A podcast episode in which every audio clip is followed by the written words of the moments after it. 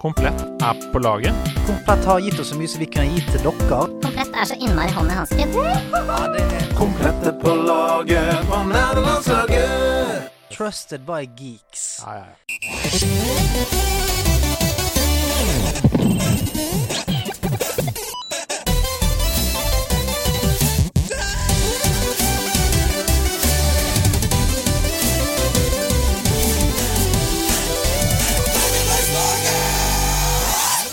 Halla igjen til deg, og hjertelig velkommen til din ukentlige dose med nerdesnop rett inn i nebbet. Og eh, vi sitter her samlet rundt mikrofonene her for en ny episode av Nerdelandslaget i stilriktig Nerdelandslaget merch. Sitter altså Andreas Hedemann It's Hanun. og Cassidy. Young Cassidy. high. Og eh, det er jo selvfølgelig Cassidy. Det er Cassidy fra Overwatch både 1 og 2.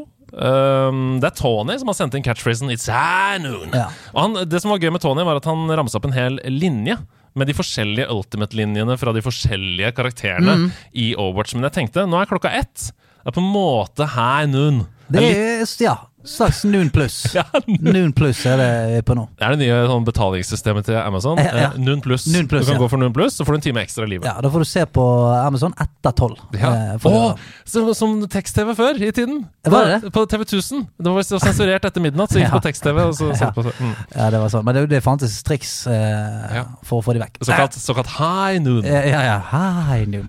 Eh, eh, mitt navn er Stian Blipp. Hei, Eh, Stian! eh, og eh, det sitter altså eh, en gjest her som vi har bedt eh, eh, roe seg litt ned. Mm. For at uh, hen skal eh, bli introdusert snart. Men vi Ja, må snakke litt sammen først. Ja. Vi må snakke litt sammen får først. Hvordan, hvordan har du det nå? Nå har på en måte veldedighetsstreamen landa. 73 timer sammenhengende. Ja. Eh, det krevde sin både kvinne og mann. Ja visst gjorde det. Hvordan har du det nå? Savner det. Ja, Ja, ja. Savner det. Få meg tilbake i miksen. 73 timer til. Ja, altså nå, det, det er jo rart med det. Sånn, eh, rett etterpå tenker du åh, glad et år til neste gang. Mm. Så går det en uke, så er det sånn faen, jeg kunne jo. Ja. Hadde, hadde de ringt nå og sagt det er emergency, vi trenger 73 timer til, Ja. tror jeg jeg tenkte sånn, ja visst faen. Torsdag nærmer seg klokka seks. Du kjenner sånn Ja. Det er ikke den samme magefølelsen som forrige det. uke. Sant? Jeg, jeg, jeg står liksom klar med kabelrull i hånden, klar til å rigge. Ja, Klar til å rigge lyd. ja, ja, ja. Men eh, har kost meg eh, masse siden. Du har fått spilt mye. Mm. Eh, ja, levd, levd et, et godt liv. Preiket mye med laget. Sittet mye i eh, diverse chatkanaler og blitt godt kjent med, med flere medlemmer av laget. Blitt godt Mm. kjent med Anti-X og Slangebob og Elagart og Ja, eh, disse patron-navnene som vi kjenner igjen, er så deilig. Eh, så, så kost meg eh, veldig med, med det, altså. Mm. Men du, da? Jo, du, vi skal jo snakke mer om hva vi har spilt uh, i det siste. Jeg regner med at du kommer tilbake igjen til dette da. Oh, Men uh, jeg har det bra. Det er jo, uh, som du sier, sånn antiklimaktisk etter veldedighetsstreamen. Mm. Men jeg var så sliten. Jeg var så ferdig. Ja, det, var, det var deilig for deg å bare avslutte med den crossfit-økten. Fy faen. Jeg var, jeg var helt kake, så det at vi nå på en måte har eh, ja, ca. ti dager under beltet med restitusjon, det har eh, Mm. Med det har vanlig hjulpet liv. Med, med helt vanlig liv. Ja. Uh, så har det jo fortsatt vært produksjon av Sidequest, produksjon av vanlig podkast og sånn, men, men, Men det, det, det er litt som uh, Plutselig så virker det nesten lett, vil jeg tro. Absolutt. Og Ja. så er det litt sånn at man må ikke ruste fast heller. Nei. Så det er viktig å bare Det er det laurbærene Ja. som alle snakker om. Kanskje, kanskje ligge og plaske og hvile og, og kulene på de. Nei. Fordi at eh, det er jo lett å klappe, klappe seg sjøl på ryggen Si etter en sånn Du, nå har vi gjort vårt. mm. Nå får noen andre Men eh, allerede tre dag, to dager etterpå så var jo du og Seb klar for uh, podkast. Ja. ja, det var tungt, men det ble veldig gøy. Vi hadde jo masse innhold å snakke om, for hva hadde vi spilt siden sist, da, tro? Nei, en 20-30 spill. Ja, Eh, så ja, det, var, det det, var var, det var nok å snakke om. Du kan, kan si, hva har jeg spilt siden sist? Se Vodden. Se streamen. Se streamen. Ikke, spør, ikke still meg spørsmål, det ligger der ute. Bare, bare sjekk. Ja. Det. Men det er ikke til å legge skjul på at det er jo en litt sånn tung tid for mange. November er en mørk måned. Jeg, jeg, jeg begynner å merke at det begynner å bli drit, altså. Det er Ja. mørkt klokken fire, Ja. regner. Jeg er veldig glad for Eh, at det er siste, ti, siste gang vi skal stille klokka. Fordi Ja. jeg hadde trengt Ja, greit, det er mørkt om morgenen, og ja, ja, ja, men jeg hadde trengt at det var litt lysere utover kvelden, altså, enn det er nå. Det er ikke det. Nei. Og mørkere skal det bli. Ja, mørkere skal det Og bli. mørkere skal det bli. Som optimisten sier. Ja. Og mørkere skal det bli. Og derfor er det så digg å vite at folk på nederlandslaget tar det i egne hender. For jeg har fått en melding ja, Ja. fra, fra nissene sjøl. Nei. Her. Selveste nissen. Ja, og her er det så I en tid hvor mørket brer seg over landet, og usikre tider tynger seg mer og mer på skuldrene til folk og fe. Dette er starten på Ringenes herre, ikke? Ja, det er det. Ja. Så er det to mennesker som gjør til sitt ytterste for å skape små lysglimt i hverdagen. Eh? Ja. Tradisjon tro kjører vi nemlig i gang Secret Santa! Yeah! For alle spillere på laget. Og Santa i baby. Dagens gjest, dagens gjest sa bare én ting da jeg spurte om han ville være gjest. Please, ikke syng i episoden. vi, har, vi har allerede brutt den første regelen. Vi skal snakke mer om det etterpå. Ja, hva vi ha på besøk? Grinchen? Nei, jeg tror det er Grinchen. Men uansett, Ikke syng i episoden. videre. Helvete, sykt å si. I år som i fjor, skriver nissen her, har vi valgt å ikke ha noen øvre eller nedre grense på beløpet Oi. på gavene. Det vil si, Ingen øvre grense. det vil si at en perlet gumba, et puslespill av Gondor eller God of War Ragnarok er like velkomment under juletreet. Som en Lamborghini, da. For det er eksempel. ingen, ingen øvre grense. Ingen øvre grense. Nei, okay. Så hvis du er veldig raus, hvis du er Erlend Dia eller uh, Helene Freda eller sånn Mm. Så vi håper så mange som mulig vil være med i år også. Kanskje vi får rekord. Påmeldingene gjøres via link i Secret Santa-kanalen på Discord og stenger 25. november. Så det er bare å melde seg på. Åh, det er superhyggelig. Det er allerede 50 som er påmeldt. Oi, steike. Ja, folk vil ha det. Uh, og det er en juleklem da fra Piratfisk og Opp Nedkors. Jeg syns vi skal ha det innad i, i redaksjonen. Ja, for vi er jo, det går jo opp. Vi er seks personer, så da kan vi få hver vår eh, duo. Ja. Ja. Hvem er det som bestemmer hvem som skal være hvem sin duo? Skal vi la Piratfisk og oppnå et kors? ja, noen andre må bestemme det. Ja, da, da sier vi det sånn. Santa baby. Er det på tide å ta inn ukas gjest, eller? Ja, for at uh, hen sitter og uh, skummer ut av munnviken. Liker ikke glede og sang, men uh, kanskje spilling. Vi får se. Ukas gjest tok sine første steg ut i livet i sin evige søken etter å etablere Californebu en vakker dag i 1982. Nå, 40 år senere, driver han egenhendig en av Norges største podcaster og har av mang et mediehus som enig man blir kalt Norges svar på Joe Rogan. Han er artist, DJ og programleder og spilte for første gang på Bylarm i 2003 etter å ha sendt inn demo som en spøk. Ukas gjest har jobbet med så å si alt i NRK, men etter 18 år så var det slutt, for podcast-suksessen på fritiden vokste seg for stor for Marienlyst i juni 2022. Ukas gjest spiste før et tårn av brødskiver med både brunost og gulost på hver skive. Nå er det kun en haug med koteletter rett før han legger seg. Han sier selv at han først og fremst lager podkasten sin for å bli litt smartere sjøl, at han ikke bryr seg om kjønnsbalanse hos intervjuobjektene, hudfarge eller lyttertall, men bryr han seg om gaming? Ta vel imot den nyeste spilleren på nederlandslaget! levemann, stekeveteran, prateguru og podkastprins Wolfgang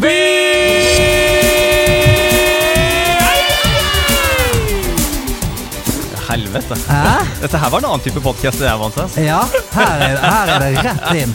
Rett inn på scenen. Er rett inn fra innbytterbenken og Ja. inn i uh, Du får, du får pulsen med en gang. Ja, fy faen, dette her var annerledes. Altså. Ja. Jeg klarte bare å prate meg inn med gjestene, sånn litt rolig, men her, er, her blir du satt rett, virkelig on the spot. Spotlight. Ga, ga, ga. Satan. Det var litt av en intro. Ja. Ja, hyggelig. Jeg har snakka med diverse informanter. Brunost eh, og gulost på skiva, ja, det, det var det detaljer. Da har du vært dypt inne i eh, NRK-kantina. Ja, så kunne jeg si at Så kunne jeg nevne det, da. Men koteletter? Ja, at du har Spiser du bare koteletter for koteletter før du legger deg? Altså, her er researchens eneste store mangel. Og det er den største mangelen. Jeg må bare si, Det er- jeg spiser ikke koteletter. Nei, det Nei, er Jeg spiser, jeg spiser biff. Ja, du spiser biff. Vi, vi skal tilbake til det. Kjøttet går voldsomt i livet ditt. Jeg var henta 15 kg entrecôte på Grefsen. det ser jo ikke bra ut når du har sånn kasse med biff inn i Nei, men uh, bare før vi, vi, vi jeg, bare, jeg føler vi må få closure på det før vi går videre. Ja. Hvor mye biff spiser du før du legger deg, og hvorfor spiser du biff før du legger deg? Uh, Jeg spiser ikke mye biff før jeg legger meg. Jeg spiser biff når jeg er sulten. Ok, Som, det som det er- kan være deg. Høstferien så sendte ungen og kona til Nord-Norge. Da spiste jeg biff hver dag til middag. Ja. Og da spiste jeg sånn biff som fyller hele asjetten. da Så da var det sånn snakkes om 500 grams biff. Fantastisk. Så har jeg tilgang på den beste biffen i Norge òg, det skal sies. Så ikke for å skryte, men uh, jeg, jeg for å skryte. Ja, men Ja, er ikke det First Price? Du har jo sagt det før, at First Price er nydelig biff. det er value for money. Ja, men nå, for money. ja, men nå går, nå går podcasten bra. Nå er ikke det beste biffen i Norge. First Price ville jo uh, spurte på uh, Jeg sponsa jo nesten First Price-biffen i starten. Så de la ut mine klipp på sine sånn, Instagram-kanaler. Oi, Så. First, så First Price og jeg kunne blitt en god partner, da, men vi gikk litt fra hverandre på disse punktene. Ja. Men eh, er, det, er det fordi at du skal gå for sånn bare kjøtt etter uh, Karnivor? Ja, karnivore. Ja, nei, jeg har tenkt på det. Ja. Jeg, jeg er hypp på jeg, Bare å spise beinmarg og biff. Når jeg er blitt 40 år nå, så tenker jeg nå har jeg lyst til å prøve alt. Ja, ja, Og da men, snakker vi narkotika. ja, ja ok, alt. og, og, altså alt én gang. Så Ja. Karnivor en gang, veganer en gang, kokain en gang. Eh, ikke heroin, men eh, sopp. LSD. Ok, alt en gang. alt det skal prøve Men tenk om, tenk om det er ting som Ved å prøve det en gang, så risikerer du å, å daue, da. Ja, det er Det er du villig til? Det er skin in the game. Okay, ok, Men da vet, vi, da vet vi hvor vi har deg. Ja. Eh, da kan vi kanskje få lurt deg på et par spill her også. Prøv alle spill, i hvert fall. I hvert fall én gang. Kanskje jeg skal prøve å game én gang. Ja. Nå skal, ikke dette være en, nå skal ikke dette være en superkritisk podkast. Vi skal snakke om gaming og kose oss med gaming. Ja. Men Ja, hva tenker ja. du om eh, at uh, en del rekke forskere mener at vi må få ned kjøttkonsumet Jeg tror du skal skulle si ned på, på gaming. jeg. Ja, Nei, nei. nei, nei, nei Ned på kjøttkonsumet. Jeg syns vi heller skal få ned gamingen blant unge. da Det er jo helt forferdelig. En kjøttkonsum. Så nå satte jeg stemninga i Ja. Det er shots, fi Ja. shots fired. Er ikke det sånn- Jeg Jeg jeg får flashback til Einar Tørnquist-episoden. Oi, hva han sa han det samme? Ja, han var han, Var kritisk. han ble ikke, ble ikke så veldig godt likt. Uh, han var kritisk. Ja, han var kritisk. Uh, Men er doner, da, Doner, folkens. Bare Ja. send Det er lov å være kritisk. Men, men Ja. uh, helt seriøst, hva tenker du om det? Bare sånn kort om, om kjøtt. Uh, Eh, Kjøtt? Ja. Nei, det var jo bare for helsas del. Eller tenk på miljøaspektet. Det, Ja, begge deler. Uh, for helsas del, helt topp. Miljøaspektet kan vi diskutere det uendelig. Ja. Ja. Det var et eh, hva skal jeg si, et eh, demokratisk eh, svar. Som Poli- diplomatisk. Diplomatisk, ja, Ja, ja, ja. ordfører For på politiker sitter verdig. Jeg har hatt mye politikere på besøk i studio, Ja. så jeg vet hva jeg skal Ja, det er viktig. Det er viktig. Men gamingmessig Ja. så er det jo sånn at vi pleier å skru tiden tilbake. Mm. Wolfgang Wie, hvor begynte ditt spilleventyr? Hva var det første spillet du spilte? Det husker jeg faktisk ikke. Jeg husker bare første datamaskin. Det var den jeg forelska meg i. Deilig. En 286. Altså, hvor, er vi på, Ja, ja, ja. Kan, kan jeg snakke sånne ting her? Det er nerdelandslaget. 286, det, for, de mener ikke folk. Ja, ja. Den PC-en der så ut som en sånn pizzaeske, bare litt høyere, tjukkere. Mm. Hadde en fire farger på skjermen. Eh, svart, hvit, grå, mørkegrå. Eh, en CGA-skjerm, og den hadde 20 megabyte harddisk, 1 megabyte minne eh, og en floppy disk. Den lot deg ikke videre. Som lukter svidd av. Og der spilte jeg mine første spill, men da måtte du først liksom, Du måtte nesten hacke MS-DOS før du kunne spille disse spillene her. Og det, jeg prøvde å tenke tilbake, hva var de første spillene? Jeg tror det er litt sånn som alle andre hadde sånn MS-DOS-spill. Space Invaders, eh, Police Quest, Space Quest. Larry. Ja, ja, Jeg ja. jeg Larry, jeg lærte meg engelsk Jeg på ser for Larry. meg at du er en Larry-fyr. Ja, Jeg var en Larry-fyr. Dvel litt i disse opplevelsene. nå. Du, du, bare, du kaster ut Space Quest? Dvel ved La oss begynne på Larry, er Ja, kjempebra. Ja, for jeg så at da det lyste det opp som et juletre der borte. Oh my god. Altså, jeg lærte meg engelsk. Jeg husker Første engelsktimen jeg hadde uh, Vi begynte med engelsk i andre klasse. eller noe sånt Da Ja. kunne jeg masse engelske ord fra Larry.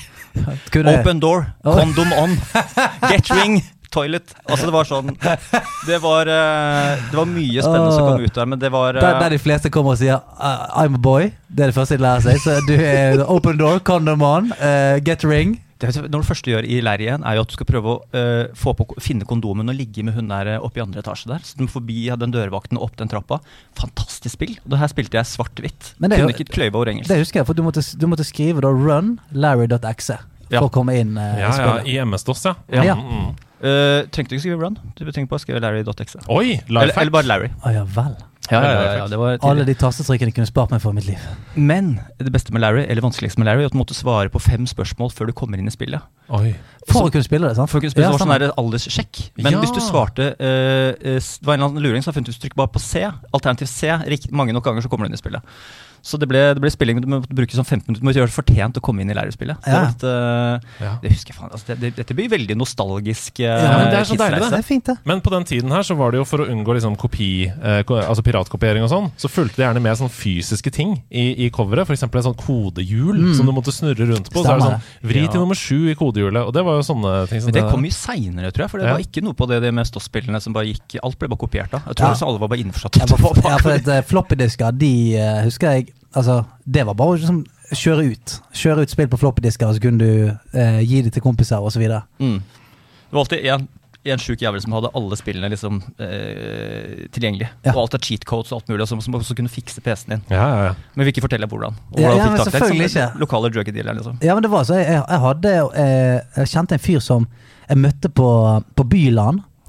Og han var litt sånn, han litt sånn sosial, litt sånn drug dealer. Sånn Du, jeg, eh, jeg kan hacke Xboxen din, hvis du vil det. Chippen. den? Ja, jeg kan chippe, chippe Xboxen din. Og så liksom, bare litt sånn, sier jeg det litt sånn i skjegget. Jeg, jeg kan chippe den. hvis du vil. Og så, ja, så, og så kontaktet jeg han, og da var det sånn. Ja, du må komme opp til meg. Men altså, opp til han, liksom. På, Med? ja, ja, med den. Opp på, liksom, på rommet hans. Måtte jeg liksom sitte der mens han drev og gjorde det. Mm. Og så fikk jeg, så fikk jeg liksom 1000 spenn, og så uh, var det liksom takk for, takk for handel. Og, Og da- og veldig sånn du har ikke gjort det hos meg, liksom. Men hva var det Det som skjedde med Xboxen da? Hva var det du fikk? Eh, da, da gjorde du den mer om til en slags harddisk interface. Ja, Sånn at når du gikk inn på den, da, så kunne du på en måte eh, Du kunne ligge alle spillene da inn i harddisken. ja. Så fikk du en slags interface der du kunne bare åpne de spillene Ja. som lå på, på harddisken. Så alle spill ble på en måte gratis, da? For du kunne Ja. laste ned rom og så Ja. legge inn? Ja, skjønner. Yes. Ja. det er jo Men Xboxen, hvor den kom det? Det er langt opp på 2000? Ja, ja, ja. Vi må. Nei, vi snakket om altså det der og, og, og Du sa det var en fyr som hadde sånn, alt cheat codes og spill. Ja, ja, det var sånn, ja, ja. Så La oss gå det var de videre Fiksa, Så heiv vi med på å stjele den historien, da. Det var de som trimma mopeder i gamle dager. da Ja, ja, ja. De fikk nye De måtte på en måte endre sin arbeidsinstruks, de også. Tok ut plombering og større variatorring. Og Det er samme typen, det er bare nye tider, så de finner nytt å gjøre. Det er sånn samme Kremmere. type. Ja, ja, det er Det det. er kremmere. det, er det. Men fra MS-DOS til Windows 95, da? Eller, eller hvor, Nei, nei, nei, nei, nei, vi må innom Windows 3.0, Windows 3.1, Windows 3.11. Ja, ja, ja. Altså, altså det, er så, det er så utrolig sånn, Forskjellen på Windows 3.1 og 3.11, hva var det? Ja. Det var noe sånn nettverksgreier. Ja, Som bryr seg. Men, så, men jeg husker det så jævlig godt. Hvis Ja. Satt og nerda med de tingene her, da. Ja. Den fineste julegaven jeg har fått gjennom hele mitt liv, er Det husker jeg ennå. Det var jeg fikk av onkelen min. Han jobba i eh, et eh, IT-selskap. Visst, det, var alltid en onkel. Altid Det er alltid en I hver er eneste onkel. episode er onkelen min som ga meg alltid. Og han ga meg MS-DOS 6.2. Og da åpnet verden seg. Og det var sånn helt fantastisk. Altså, tenk deg bare sånn oppdatere, operativsystemet var en av mine store gleder i året. Ja. Du var, du, du, du var ekte nær, du. Jeg var ekte nær. var og da- ekte nerd. og jeg tenkte på sånn, det, Nå snakker man gaming, og man er en gamer og alt mulig sånt. Det het, det ordet eksisterte ikke. Nei, det jeg på. Det var jo datanerd, det. Ja, det var det var, det var, det, det var. Datanerd som spilte dataspill. Mm. Det var det det var. Men det du snakker om der, det husker jeg så godt selv også. Fordi jeg, vi hadde jo ikke så mye penger til å kjøpe masse nye dataspill og sånn. Vi fikk jo ikke det, Jeg fikk ikke det av foreldrene mine, men vi hadde en hjemme-PC. Mm. Så hver gang det kom en oppdatering, så kom det jo masse nytt å leke med. Jeg husker bare da Paint kom, liksom. Mm. Så var det sånn, Jeg brukte masse tid i Paint. Gikk inn i innstillingene. Hva kan jeg gjøre her? Å, taleopptak! Mm. Jeg, kan putte, jeg kan putte headsetet mitt i mic-inngangen på PC-en og så snakke inn i elementet på, mi, på Og skru, så headsetet. skulle du skru ned farten etterpå, så du fikk sånn helt sinnssykt fet stemme. Sånn at du kunne på en måte bruke headsetet som mikrofon. Bare de tingene der, da. Ja, ja, ja, Jeg brukte timevis på liksom Altså, og bare de tingene som kom med, de småspillet. Husker, Ja. husker dere DX-ball? Åh! Var det det pinball Ja, nei, ja, der du bare Du fører Ja, pinballspill òg. Ja, ja, Ja, Space ja, ja, ja. Cadet, ja. På Ja.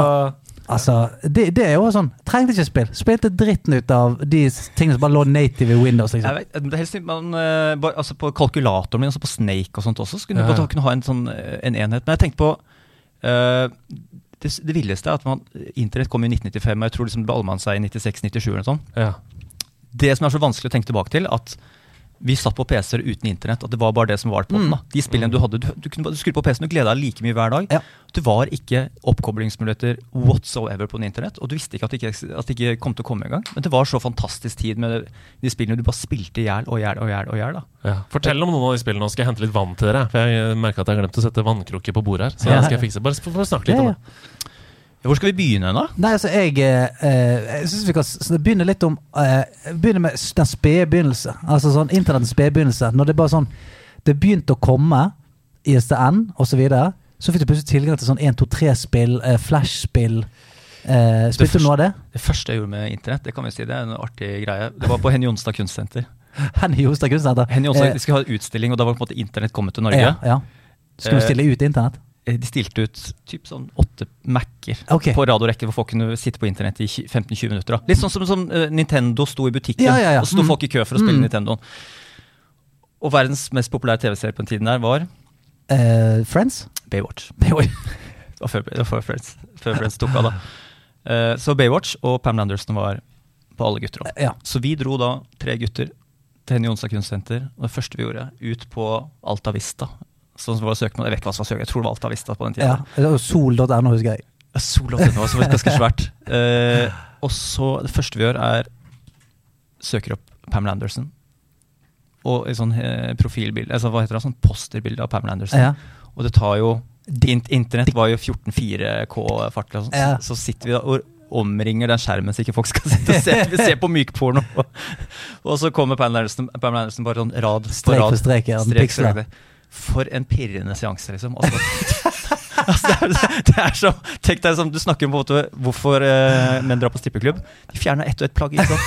Men, på, men på, Mens vi satt der på en Jonstad kunstsenter og fikk strek for strek av Pamela Anderson. Var ti ganger mer Brukte, brukte 15, 15 av de 20 minuttene på å bare få, få strek for strek. Jeg tror vi betalte 120 kroner for å komme inn òg. Tenk deg, den dyreste seansen vi har hatt for å se Noe som En. Eh, helst. Ja, se noe som helst. 120 kroner i 1995, det, var, det er jo 500 spenn nå. det. Tenk deg 900 kroner nå. Ja, sikkert 900 kroner. Men, men det, det du er inne på der, er, er liksom viktig å Jeg prøver hele tiden å ta meg sjøl i det, for det at vi, eh, vi ble så intenst glad for ny tech, føler jeg, da, da vi vokste opp. Nå høres høres vi jævlig gamle ut, men eh, denne forventningen til at Nå er det sånn forventning til at alt skal bare være rått hele jævla tiden. Ja. Altså, sånn at du satt og ventet.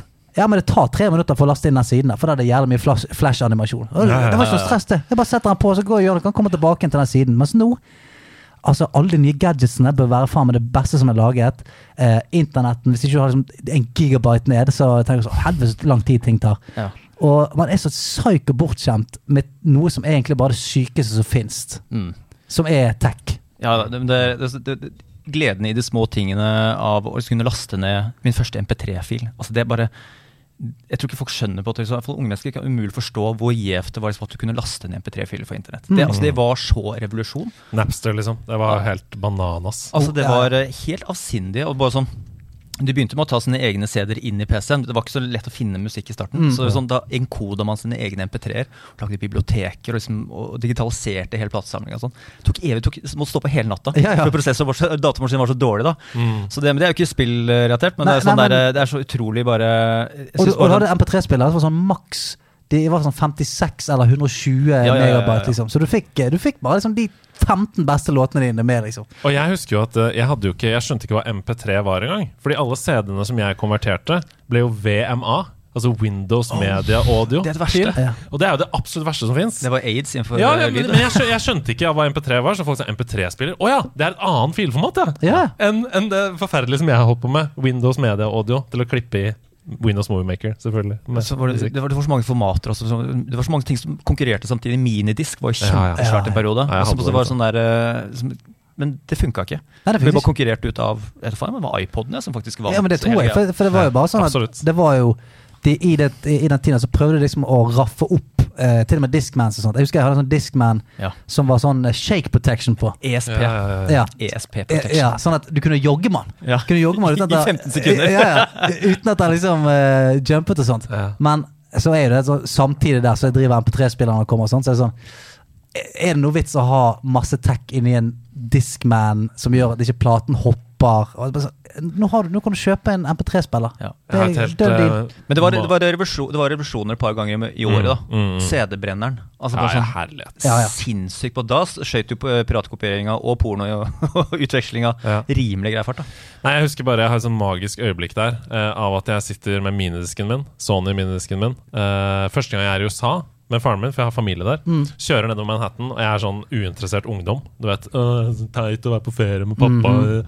Og høre på holdning hø Høre på holdning over underholdning er gatas parlament nedover Manhattan. Og bare «Åh, Manhattan og dritt og Ja, kapitalist, eh, kapitalistens høyborg. Veldig Selvfølgelig elska jeg det! Selvfølgelig, Det var jo Ja, ja, bare fasaden som sa at jeg ikke elska det. Ja. Selvfølgelig Men jeg, jeg husker jeg gikk på, eh, gikk på Klasse Olsson, så kjøpte jeg en sånn 100-pakning med brenneseder. Ja, Ja, ja, ja. For da skulle vi på, på sånn eh, eh, byland, Med sånn stativ i midten, Ja, med så stativ du i kan ta en og en. og det var helt hvite, og så hadde jeg med meg en tusj. Ja. For eh, på eh, det, som, det landet vi hadde i Bergen, der var det alltid sånn DC++, tror jeg det het. Ja, ja, ja. Det var sånn, alle som var på lokale nettverket, kunne dele det de hadde. Og Der var det alltid noen sånn crazy folk som hadde alle spillene, Yes. alle filmene, alt mulig. Og da sant, måtte du laste ned, og så når disken ble full, så måtte du bare kjø brenne ut shit. Brenne ut shit, Ligge det i, uh, ligge det i, uh, i, uh, i et lite sånn album. Ja, ja, ja. Og så når du kom hjem fra, liksom etter tre dager på land, så hadde du liksom hadde ny Hitman-spillet, du Ja, ja, ja. og du hadde noen sånn Damon Tools, og du drev faen meg rippe ting. Stemmer det! Altså, Altså, det det- er helt sinnssykt mye. Altså, DC var den første sånn peer-to-peer-greia, tror Ja, jeg. mm. Og Jeg husker at jeg drev og lette etter de hubene her. Og så jeg, var, jeg var på The Gathering én gang. Jeg tror aldri jeg lasta ned så mye sånn sample. Jeg lagde mye musikk også. Ja, ja, ja. Så lasta jeg sample-CD, Cubase og alt. var sånn Ja, ja. musikkprogram var, var dyrt, da. ja Ja. Så, og, og vi hadde ikke noe penger, hadde vi det, sånn type, så Nei, nei, alt piratgreiene var lov. Så, men det var helt sinnssykt. DC var liksom, en av mange sånn Lime var sånn revolusjon. Ja. Uh, Napster, Audio Galaxy, vet ikke om du husker det? Nei, sånn- sånn- det var før deres tid. ja. Men, men et, et spill som jeg eh, lurer på om du har spilt, sånn ref ditt eh, virke. EJ. EJ? Ja, Dance EJ. Ja, ja, ja. ja, ja, ja, Hiphop ja, ja, ja, ja. Det, Altså- husker- men det, jeg var, det, det kom inn ganske sånn uh, samtidig med en del andre sånne musikkprogrammer. Mm. Det var sånn at du bare. Ferdige lyder med loops. Fer, på ja, alt, ferdig alt låt fett. Ja, ja. Altså, det var, det var jo eh, Jeg tipper jeg vil at det er mange sånn som ble litt interessert i i musikkprodusering gjennom det. Mm. For det er å bare se den magien ved å bare sånn Ok, her har du drum track, og så har du en liten uh, uh, uh. Ta den oppå her, og så kommer den like.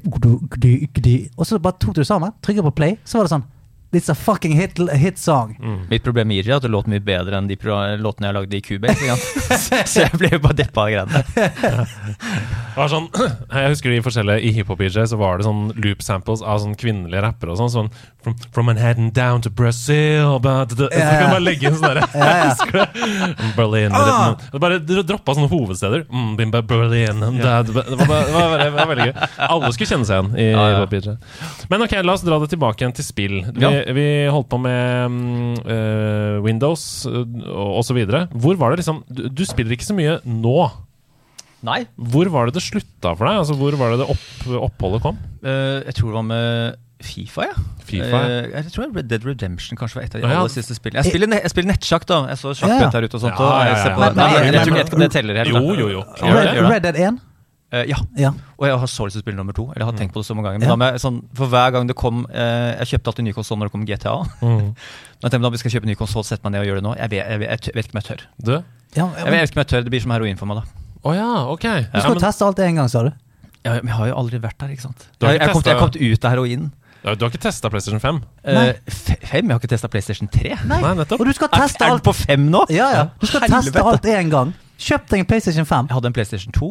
Jeg føler du unngår eh, Xbox føler du unngår her 360. Ja. Du hadde både PlayStation 2 og Ja, Xbox men, altså, hvis jeg 360. skulle spilt det, så hadde det vært på Ja, faen, jeg spilte Red Dead Redemption faktisk på Xbox. Jeg er jo en PC-fyr, PC så jeg skyr jo det her. eh, Men altså GTA og Red Dead, eh, Red Dead Redemption fikk jeg meg over på konsollen. Mm. Ble litt lettere å sikte, da. Men alt var bedre på PC. Mm. Men det var jo sånn at du kan ha mus og tastatur på, P- på konsoller. Ja, nå, nå er det veldig mye som er Alt er så liberalt nå. Ja, altså, alt er lov, Hei, liksom. Det var helt forbudt før. Alle kan plugge og seg i alt nå. Helvete. Men Xbox, da? Kjøp deg den nyeste Xboxen. Få deg GamePass. Få tilgang til hundrevis av spill. Red Dead 1, Red Dead 2, rett i nebbet. Det er, jeg skal spille Red Dead 2, og så er det ett spill jeg vet ikke hvorfor jeg har lyst til, å spille igjen. Det er ikke et av de beste spillene. Jeg tror ikke jeg kommer på topp 50-listen min og favorittspillet med en gang, men det er Command and Conquer Generals. Men så, har lyst, så har jeg lyst til å spille det om igjen. Jeg vet ikke hvorfor. Men, Hvorfor er ikke Hasse Hope her? Det er hans favoritt Command and Men det er jo skamfett, da. ja, for det er, det er liksom Det er, det er Command and Conquer gamle spillene bare litt eh, bedre. De har Mm. retta opp i alt det køddet Mm. med de gamle spillene. Mm. De spillene for øvrig, jeg tror jeg må ligge på topp 10-listen i Ja, Norge. men det er jo skamgøy. Command and Conquer-spillene, altså Red Alert, Tiberian Sun og Generals, som du uh, Vi glemte det første. Til. 1995 Ja, Ja, bare, Command and Conquer 1. den det het bare Command and Conquer? Ja, Command Conquer 1. Ja, Ja, og og det det var var, så på en måte- Du begynte med Tanya, husker du det? Første, første missionet så hadde hun Tanya. Hun Nei, nei, nei. nei. Jo. Nei, det er Red Alert, det. Ja, det er Red Alert. ja, hva var det jeg sa? Nei, du sa Tanja. Ja, Hun er Red Alert. ja hun er Red Alert, ja. I Command Conquer 1 så ja. er det en lignende, men han, han, er, heter, han var Commander. Commander. Commander. Han Ja. kunne snipe alle på ett skudd, sånn som Tanja Ja, ja. omtrent. da Navnløs. Men så, ja, han var navneløs, var mye mer mystisk og mye råere. Så det ble det sånn feministisk greie på det i Red Alert. Litt som eh, Ghost i Call of Duty. Ja, men Bare enda dårligere, eh, med mindre kreativitet. Hva skal commanderen hete? Han skal hete Commander. Og hva skal han, han, han soldaten hete? Soldier. Ok, greit. Vi eh, The meeting is adjourned. Men det kom i 1995, tror jeg det spillet kom. tenk på det. Eh, og det var sånn, uh, Da var det videoklipp mellom Ja. Ja. brettene. Mm. Og det var sånn helt absurd. Det Ja, skal ikke være mulig. Mm. Det var ingen som hadde prosessorkraft til visse videoklipp. Jeg skjønner ikke hvordan de fikk det til. De komprimerte på en sånn merkelig greie. Og så hadde de tidenes beste skuespiller som spilte han der Kane. Ja, ja, Han var jo med ja, hele serien videre ja, ja. Så da var det GDI mot Nod. Det Mm. var liksom, jeg vet ikke om det ble Og veien det videre. sier mye om en person. Hva gjorde du? Ehm, jeg begynte jo alltid med det snille, og så tok jeg det siste campaignen med det onde. Alltid. Ja, alltid. Ja, men det var sånn Jeg tror jeg spilte demon i et par måneder hver dag. Ja. Tre baner. Til jeg fikk råd til å kjøpe spillet. Mammut Tank for GDI der. Oh. Den kommer langt uti der, da. Gagoff. Ja. Ja, var Mammotanken er feit. Ja. Obli jeg måtte ta obelisken, og det var, det var mye kjør der, altså. Ion Cannon hos Nod. Eh, fantastisk. Men det, det eneste Command Conquer 1 mangla, var jo å spille mot uh, datamaskin. Uh, en, Ja. eh, en AI. Det kunne du i Red Alert. Spille Mm, mot datamaskin. mm. Det var jævlig gøy, da, for Ja. ofte du, du hadde jo ikke noen venner å spille mot. Hvis ikke du hadde et LAN-party, og det kom jo ikke før et par år uti for min del der, da. Men, men Red Alert husker jeg altså, Jeg har ikke spilt mye RTS, altså sånn real time strategy, men Red Alert 1 og 2 det har jeg spilt drittmye av. Ja. Eh, fordi at jeg syns altså, Det var det første sånn type spill jeg spilte. Mm. Som var, Jeg har spilt noe på sånn Sega og sånn, men det var jo helt jævlig. Eh, eh, og jeg, jeg, det er så sykt at dette her er jo da eh, 25 år siden. Jeg kan huske alle tingene. Altså, det er sånn, jeg husker faen meg hva de forskjellige styrkene sier. Eh, unable to comply, building and compl eh, progress, insufficient funds. Altså Ja, ja, ja. alt det der greiene der. 100 Og Tiberium Harvester i, i Tiberium som kjører rundt der og tar opp sånne greier for å gi deg cash. Og, og, de der, og liksom. lyden av Tesla coils som Ja. griller fotsoldater. Jesus. Altså, men jeg tok det et steg videre, altså, sorry, men altså, kom jeg en konkurrent igjen, det, Jeg kjøpte det spillet idet vi skulle på vestlandsferie, så jeg tok med meg manualen på ferie og satt og fantaserte om at jeg skulle Kan du tenke deg torturen? No. Sitter på ferger oppe på Vestlandet her og Ah. leser, og så kommer jeg tilbake på skolen, og så skal jeg fortelle kompisen min liksom, noe, hvordan Command Conquer 1 fungerte. da. Så tegna jeg opp en sånn tabell hvor jeg skrev opp light tank, medium tank, heavy tank, og skrev opp millimeterstørrelsen på, liksom, på, på gønnerne, hvor farten deres på, Jeg kunne manualene inn og ut. Jeg Uten å ha liksom spilt spillet? ja, uten, ja, bare til å spille spillet, så hadde jeg på en måte alt klart. da. Så jeg kunne liksom, jeg kunne alle altså, hva- Åh. Egenskapen til hver eneste tank. Dette altså, er varmer hjertet mitt. Ja, for Altså For et nerdenivå, liksom. for men jeg får en sånn feeling av det. For jeg husker sånn før, så jeg bodde jo litt ute på the countryside. Mm. Så når jeg hadde spart opp penger til å gå og kjøpe meg et spill, måtte jeg ta bussen inn til byen. Det tok 45 minutter. Kjøpte det spillet. Og så hele veien hjem på bussen Så hadde jeg liksom Sånn med der, manual. Ja. Det, var, det var det nærmeste du kom Ja, til å få instant hit. Bare sånn, ok, Ut med manualen. Ja. Les Å, helvete, det er power attacks her. Og, ok Så, så du på en måte når du kom hjem, så kunne du spillet. For du hadde Ja, lest i en sånn time manual før du kom hjem. Ah, Helt sinnssykt. Men Ja. Hvor gleder man å kunne finne de detaljene der da? Jeg, jeg vet ikke om på en måte som ting er sånn Det kan godt være at unge mennesker har nøyaktig det samme til spillene som kommer ut nå. Jeg har ikke peiling, men jeg bare husker for min egen del at Ja. Detaljene var så helt sinnssykt Men det der er jo det, det, det som er liksom det triste hvis man skal ha, ta på seg nostalgibriller med liksom den digitaliseringen. For nå er det sånn Mm. Det er definitivt chillest å bare kjøpe ting digitalt nå. Altså Ja, ja, ja. 100% Men den der eh, Bussturen hjem. ja, ja, bussturen hjem, og så, så sier det bare sånn Ha noe annet, lese. Mm. Eh, en eller annen kompis som sier sånn Å ja, men den der koden her står jo bak på manualen, liksom. Å faen! Hjem, finne manual. Stemmer det? Der står den koden som du skal plotte inn på den der Walkman i Metal Gear, eller Mm. Altså, det, det, du, du min, litt mindre strengere å spille på, men jeg skulle ønske at, at de hadde fulgt på en måte det i digitaliseringen. At, Mm. eh, at det kom liksom noe med spillet Du må finne ja, du må, filene. ja, finne litt, liksom. At sånn, ja, men Mm, hvis du går inn på, på metalgear.com, Mm. høyre høyrehjørnet der, så står det et jævla ratall. Mm. Det er det du skal plotte inn på Altså, det, det er da liksom å, å, skulle leite andre steder enn kun inn på skjermen, da. Det, Det, kalles var jo for. ARG. Altså Alternate Reality Game. Ja. Som var sånn svær greie for mange reklamekampanjer på 2000-tallet. Mhm. Det var sånn De tok det ut av PC-en og ut i samfunnet og sånn. Du måtte finne clues og sånn. Og det er litt det du snakker om Ja. nå. Det er helt nydelig. Ja. Men skal vi-. Har du hatt noe håndholdt gaming? Jeg, jeg fikk låne mye Gameboyer uh, vi var på så fotballtur da vi var små. Det har jeg faktisk ikke tenkt på før du sa det nå, men det var jo også på en måte altså en helt magisk Mm. greie å bare ta på game. Altså, jeg vet ikke hva, så på en måte, Det er en helt fantastisk Det er sånn, Du ikke glemmer at liksom, det tingene du har i hånda, de gamle altså Nintendoen, Gameboyen Du tenkte at det bare var en plastikkdings da. Mm. Så tar du på den nå, så kjenner du på det. Ja, du har den der, ja. Er det en, en, en, dette er en ny uh, Gameboy, Jant. Den kjentes ikke Han ut. holder hadde en gul Gameboy Color Den- i hånda nå. Ja, Men det er fordi du er sterkere nå enn du, når du var, enn du var syv år Ja, men det, dette her er ikke den originale. Dette er Nei. på en måte en sånn moderne Game Boy Gameboy. Color, Ja. ja. ikke sant? Ja, den- moderne den- og moderne. Altså, den er, Den den var er tyngre, den. kanskje eh, syv år eldre da enn den originale Gameboyen. Den har bedre plastikk, da. Den skrangla jo så jævlig, de første Gameboyene. ikke sant? Ja. Altså, men det var jo på en måte en helt fantastisk følelse av uh, Skjermen var grønn og svart. Ja. klart. Ja, ja, Det var ikke sånn, jeg vet ikke om sånn gråtoner. Ja. Men jeg spilte vel, jeg lånte vel, det var det noe Super Mario på det greier og sånt. Ja, jeg Super. Mario Land og sånn, ja. Men Gameboy. Ja. eh, jeg var PC-gutt. Kunne ikke drive og kjøpe sånne dumme Nintendo-ting. Nei, for du, du, du var det de kaller for PC Master Race, du. Ja. Veldig tidlig. Master Race. Master Race. Nabo- PC, PC Master Race. Naboene måtte kjøpe Nintendo. Det var der jeg spilte Nintendo. Ja. Nintendo 8-bit. Men la oss bare sjekke, fordi dette har vi også gjort i, i nederlandslaget før. Mhm. Og dette er en greie som vekker veldig mye minner hos mange. Okay. Du snakker om Gameboy. Du snakker om den første Gameboyen. Ja. Og her er et spill som er undervurdert, og som man ikke har uh, snakka nok om i verden, nemlig Super Mario Land på Gameboy. Sjekk om du husker dette. Oh. Er dette det første spillet? Ja, jo, dette husker jeg. Du var god til i bare å lage melodier. Ah. Den oppgangen der, den er så underrated. Altså, det, det, det, det er feels. Det er feels. Men det, det, det, det, det er fort å glemme hvor flinke de var som har lagd musikk. Sånn, Ja. type, og sånn, sånn, eh, hva heter det, sånn 8-bit-musikk? Hva, Chip- kaller- hva kaller man det her egentlig? Sånn, eh, hva, hva heter det ikke det her noe spesielt? Ja, du kaller det chiptune-musikk, eller, eller liksom eh, ja, 8-bit Ja, 8-bit-musikk. eh. Ja. Men ta en shout-out til alle de få Pixel. menneskene der ute som har Commander Conquer 1-soundtracket. Ja. Som er sånn, de, det, det, det låter så fett. Det er sånn rock møter litt trans, litt techno. Ja. Skikkelig sånn eh, Men- industriell Var ikke det sånn marsjerende Yes! Ja, så, det, det, det kunne vært kanskje litt sånn uh, Nynaz- Nynazister har sikkert syntes det hadde vært kjempegøy. Ja, men det var litt sånn det industrielt, litt sånn eh, veldig macho. Da har du satt på, Kan ikke huske, kan ikke huske det soundtracket der, Stian? Hva var det du holdt på med i oppveksten? Nei, men jeg husker det var sånn, var sånn marsj. Sånn jævla marsj med sånn rocke... Du hadde bare lyst til å gjøre litt beatbox. Det? Hvis det var beatbox Hvis du har lyst til å var- beatbox på Ok, hvis du har lyst til å ha beatbox, skal du gjøre beatbox.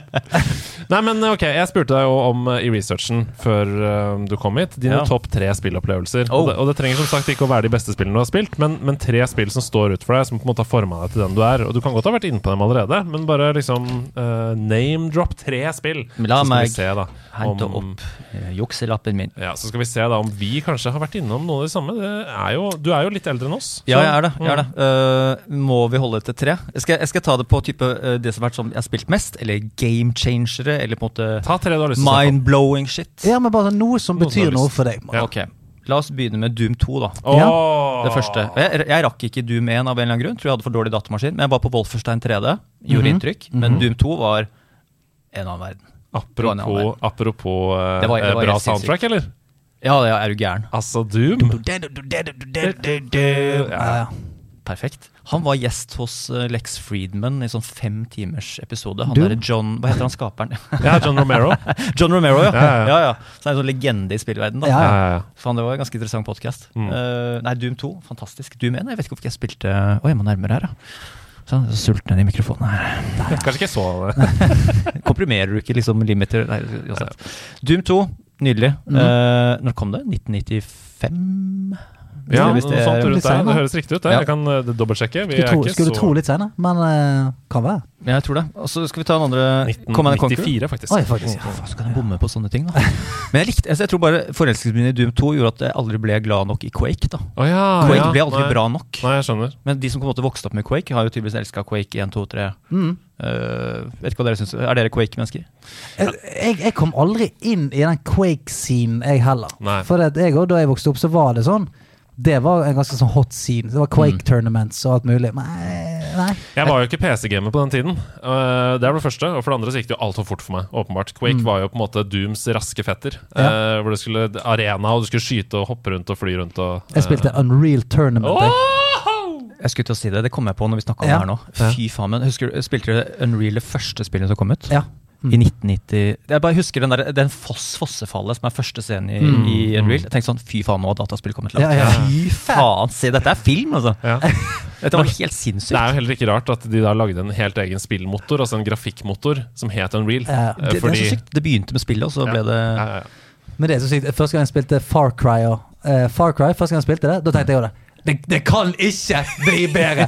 Se, jeg kan jo, jeg kan jo faen meg sleike på vannet, se på skjermen. Ja, det er helt sinnssykt. Det er alltid vannet! Ja. Hvorfor er det alltid vannet vi elsker? Jeg vet ikke, det er der man søker. Se på vannet, se på bølgene. Livets kilde. Men Unreal Tournament var mye mye morsommere enn Quake. Altså, det var, det var, det var, helt det, psyko-fett. det var, ja, det var bare døds, det var, det var først Unreal, og så var det Unreal Tournament. Mm. Med multiplayer, ja. Og det var, det var helt syre. ja. Så Du føyk rundt omkring, og det eh, rocket launchers og bazooka og det, altså, Det var helt Ja, ja, sykt. ja. Det er sånn capture the flag-greier. som var- Ja, Ja, ja, dritgøy. Det var Eh, dritgøy. Men, Men, men for meg, gøy å se på. Eh, Jeg var jo ofte på LAN og sånn, eh, og hadde med eh, altså Gameboy, for eksempel, på Mm. LAN. da. Men så satt jeg og så på og fikk lov til å spille på PC-en til Bjørn, for eksempel. pissen til bjørn. Ja, ja. Ok. Eh, faen, hva skal man fortsette? Duke Nukem 3D? Ja. ja, ja, Vi oi, la ned en del på det. Ja, ja. Det Jeg, fikk, eh, jeg har fortalt om det før, men jeg fikk Duke Nukem 3, 3D i sånn juleversjon på K-komplett, det, det bladet. K-komplett Juleversjon? Ja, ja. Du fikk sånn CD med Ja. demo, og så var det tre maps da fra Duke Nukem, hvor alle hadde på nisselur, og det Ah. snødde og sånn, du skjøt med bazooka. Dritgøy. De hadde litt humor, de folka som lagde det spillet ja, der. Åpenbart. Det var vel bare humor. det var, humor kledd inn i et PC-spill, egentlig. Men oppfølgeren ble også en sånn humorgreie. Det var spillet som aldri kom. Duke Nukem 4. Det var sånn snakk Forever. Ja, det, på en måte, det spillet var liksom mest sånn sagnomsuste i hele spillbransjen. Kom Må- aldri. må Kom ut til slutt. Ja, det kom ut. Ikke spille. Uff da. Ikke Spil, eh, altså, jeg begynner å ane et, eh, et mønster. Spilte du Serious Sam noen gang? Nei. Nei, for det var, det var litt i, Det i hva var det igjen? Det var jo litt samme greie. Du spiller bare en, en dude i T-skjorte og jeans, og så bare kommer det løpende helt sånn crazy demoner mot deg hele tiden. Det er sånn en uh, demon som er sånn Det er bare et, et, Han har bombehode, sverdhender, og, og alle skriker. Så sånn hver gang de kommer mot deg, sånn Sånn at de, du får helt packeren av å spille. Og de, de, jeg tror de lagde det som siste Serious Sam-spill nå for ikke så veldig lenge siden. Og det er helt sånn Du får 150 i puls av å spille det. Du, det husker faktisk når du sier det. Det var ganske sånn cartoonish uh, Ja, det, logo. ja, sånn, ja, ja. sånn 100%, en Jeg tror ikke jeg bombe, liksom. Ja. Ja, det er ikke spilt. Her er Det hopper, Det, det kom ikke, det kommer litt Det burde du gjort. Det burde jeg gjort. Jeg hører på nå. Det var litt av et innsalg. Neste. Warcraft 1. Oi, oi, Warcraft 1. Warcraft Altså, 1, ja. Det var jo det var, det var ikke så bra. Nei, jeg, bare, nei, jeg tror jeg nei. bare spilte med Vet du hva, jeg burde egentlig ikke tatt med på lista. Nei. Fifa 96. Ja!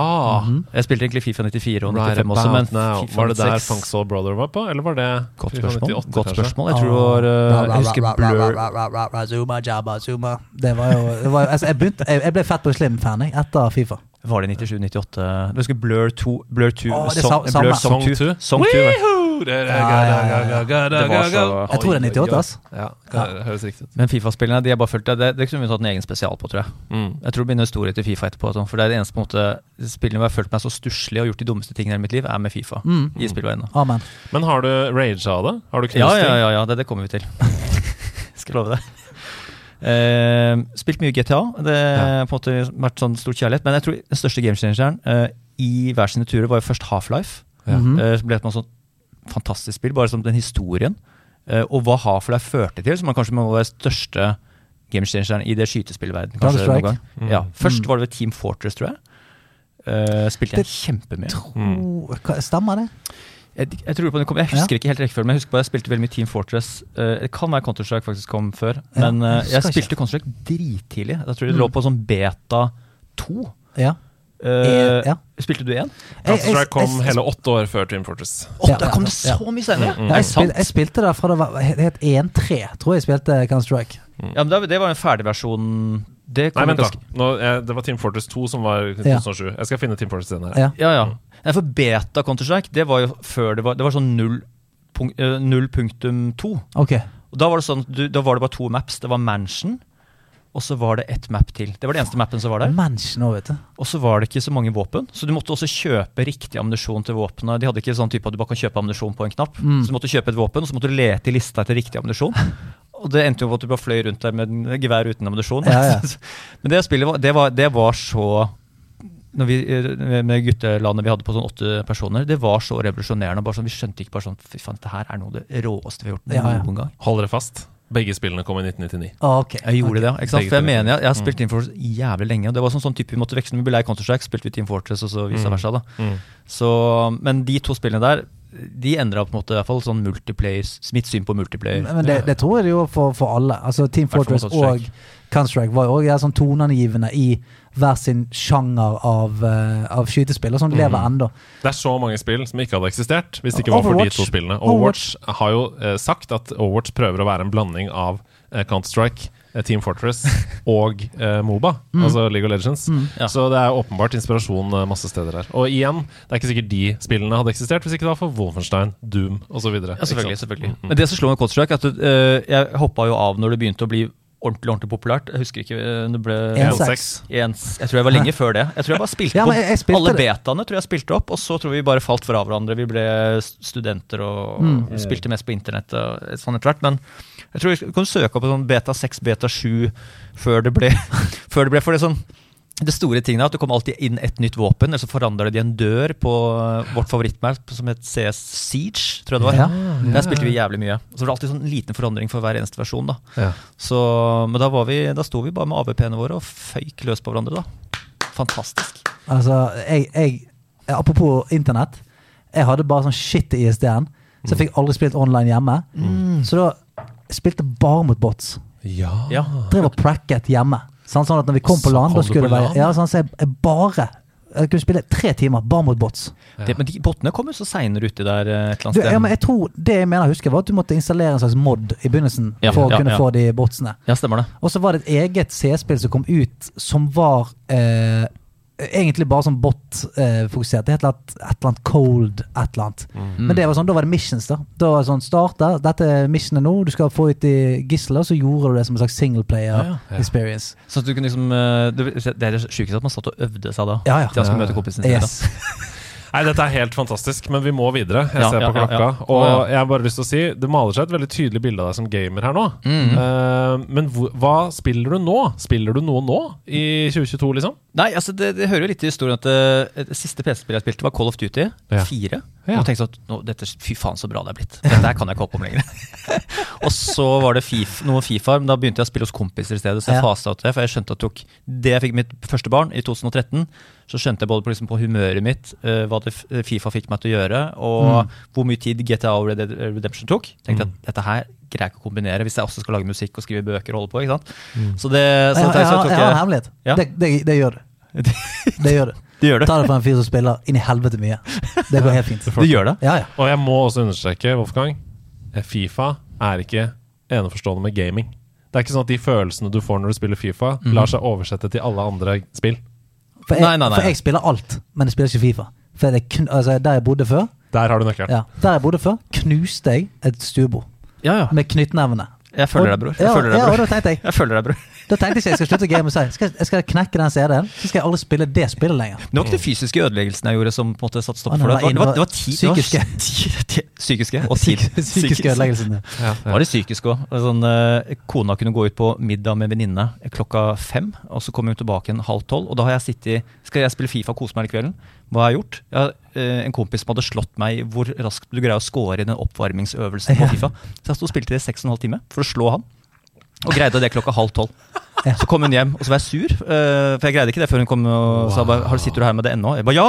Stikk og legg deg. Og så, eh, så, så la jeg meg halv ett, og da hadde jeg slått liksom rekorden hans. Så la jeg meg sånn Dette her brukte jeg en hel kveld på for Ja. å slå han fyren med ti, en tidel sekund. Men for et vinnergen du har, da.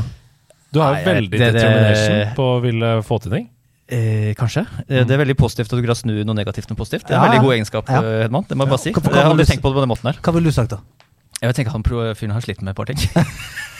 Ja, fordi du har jo han var den, på rehab, han må detoxes, liksom. men jeg mener det lar seg oversette, da. Du har imot alle odds lagd en podkast eh, som har blitt motarbeida i NRK-systemet, eh, som du har jobba med masse på fritiden, Mm. etter at du har jobba med alt annet du har jobba med. Ja. Og du har fortsatt og fortsatt og fortsatt og aldri gitt deg. Og nå er det mange hundre episoder som alle er liksom fem timer. Ja, Nå spiser du biff til alle måltid. selvfølgelig. Du har, en, du har en gjennomføringsevne, da. Ja, kanskje. Det, det er Du, eh, du er helt elendig på å ta imot komplimenter. Du. Jeg vet det, jeg er du kjempedårlig ja, på det. helt elendig på Ja, det. Det er østlendinger, vet du. Ja, Jeg er Er også det det? utrolig dårlig på det. Jeg Ja, det er jo sånn, eh, Vestlendinger elsker jo komplimenter. Jeg er jo, men det som er sjukt, er at jeg er jo vestlending, men jeg er jo østlending. Eh, Jeg er vestlending, vestlending av blod, Ja, ja, ja. så, men østlending av oppvekst. ja og miljø- av miljø, av Ja, miljø. Ja, miljø.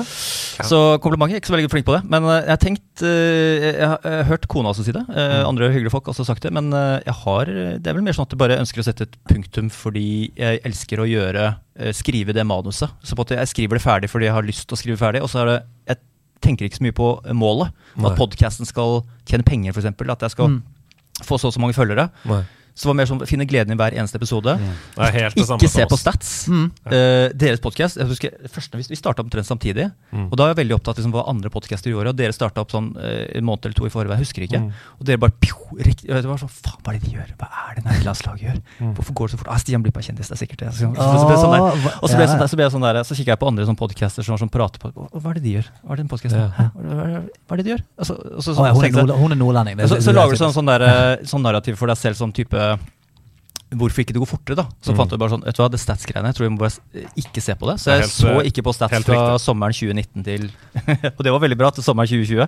For jeg trodde det var noe gærent på rapporteringstjenestene til, eh, til Acast og Google og de her, for det var jo så lave tall. Ja, ja, så det, er sikkert, det er sikkert noen dataproblemer, ja, ja. ja, nå sliter de igjen med akkurat den ene podkasten. Det er sikkert for den ligger på W, Ja. og det er såpass langt ned. Det kommer aldri til den eh, i løpet av en arbeidsdag. Det var akkurat det. Kristin Danke sa sånn Ja, det pleide gå- gikk ganske fort med podkastene mine. Og bare sånn, De ble populære med en gang. Morten Ramm var sånn Nei, vi bare fikk noe sånn Apple-plassering, og så hadde vi 20 000 på første. Jeg bare sånn Ok, så det, det går ganske fort å få podkastsuksess, tenkte jeg. Så tok du faen meg ett og et halvt år før uh, Jeg tror det var liksom noe som ligna på noe som helst tall, da. Men en lotusblomst og en løvetann vokser ikke like fort. Stian, Sant. det er vakkert. Jeg elsker det. Men, eh, Dere er gode til å peppe opp folk. Ja, men, men det er viktig, for det går til veldig mange som hører på. For det er veldig mange som liker å lage innhold, liker å streame alt mulig. Og det er sånn, det er så jævlig lett å gjøre den greien der. Ok, La oss si man sitter og streamer, så ser man på en annen dude som streamer, som gjør bortimot det samme. Hvorfor i helvete går det så bra der? Mm. Oh, ja. Jeg har gjort dette her i tre uker lenger, det går dårlig, eh, ergo det går ikke, eller jeg gidder ikke.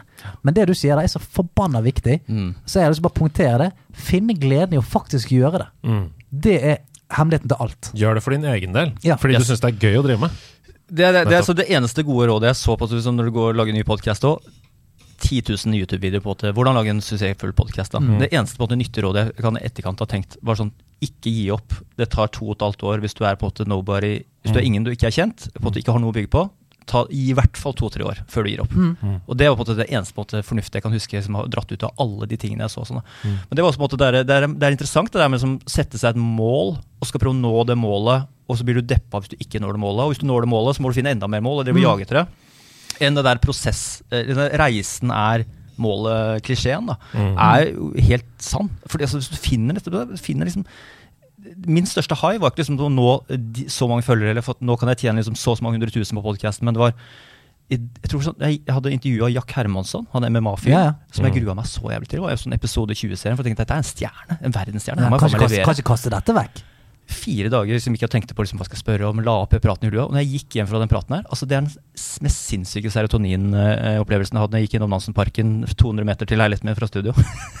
og bare tenkte, Da fløy jeg bare sånn fy faen for en følelse av å levere den episoden.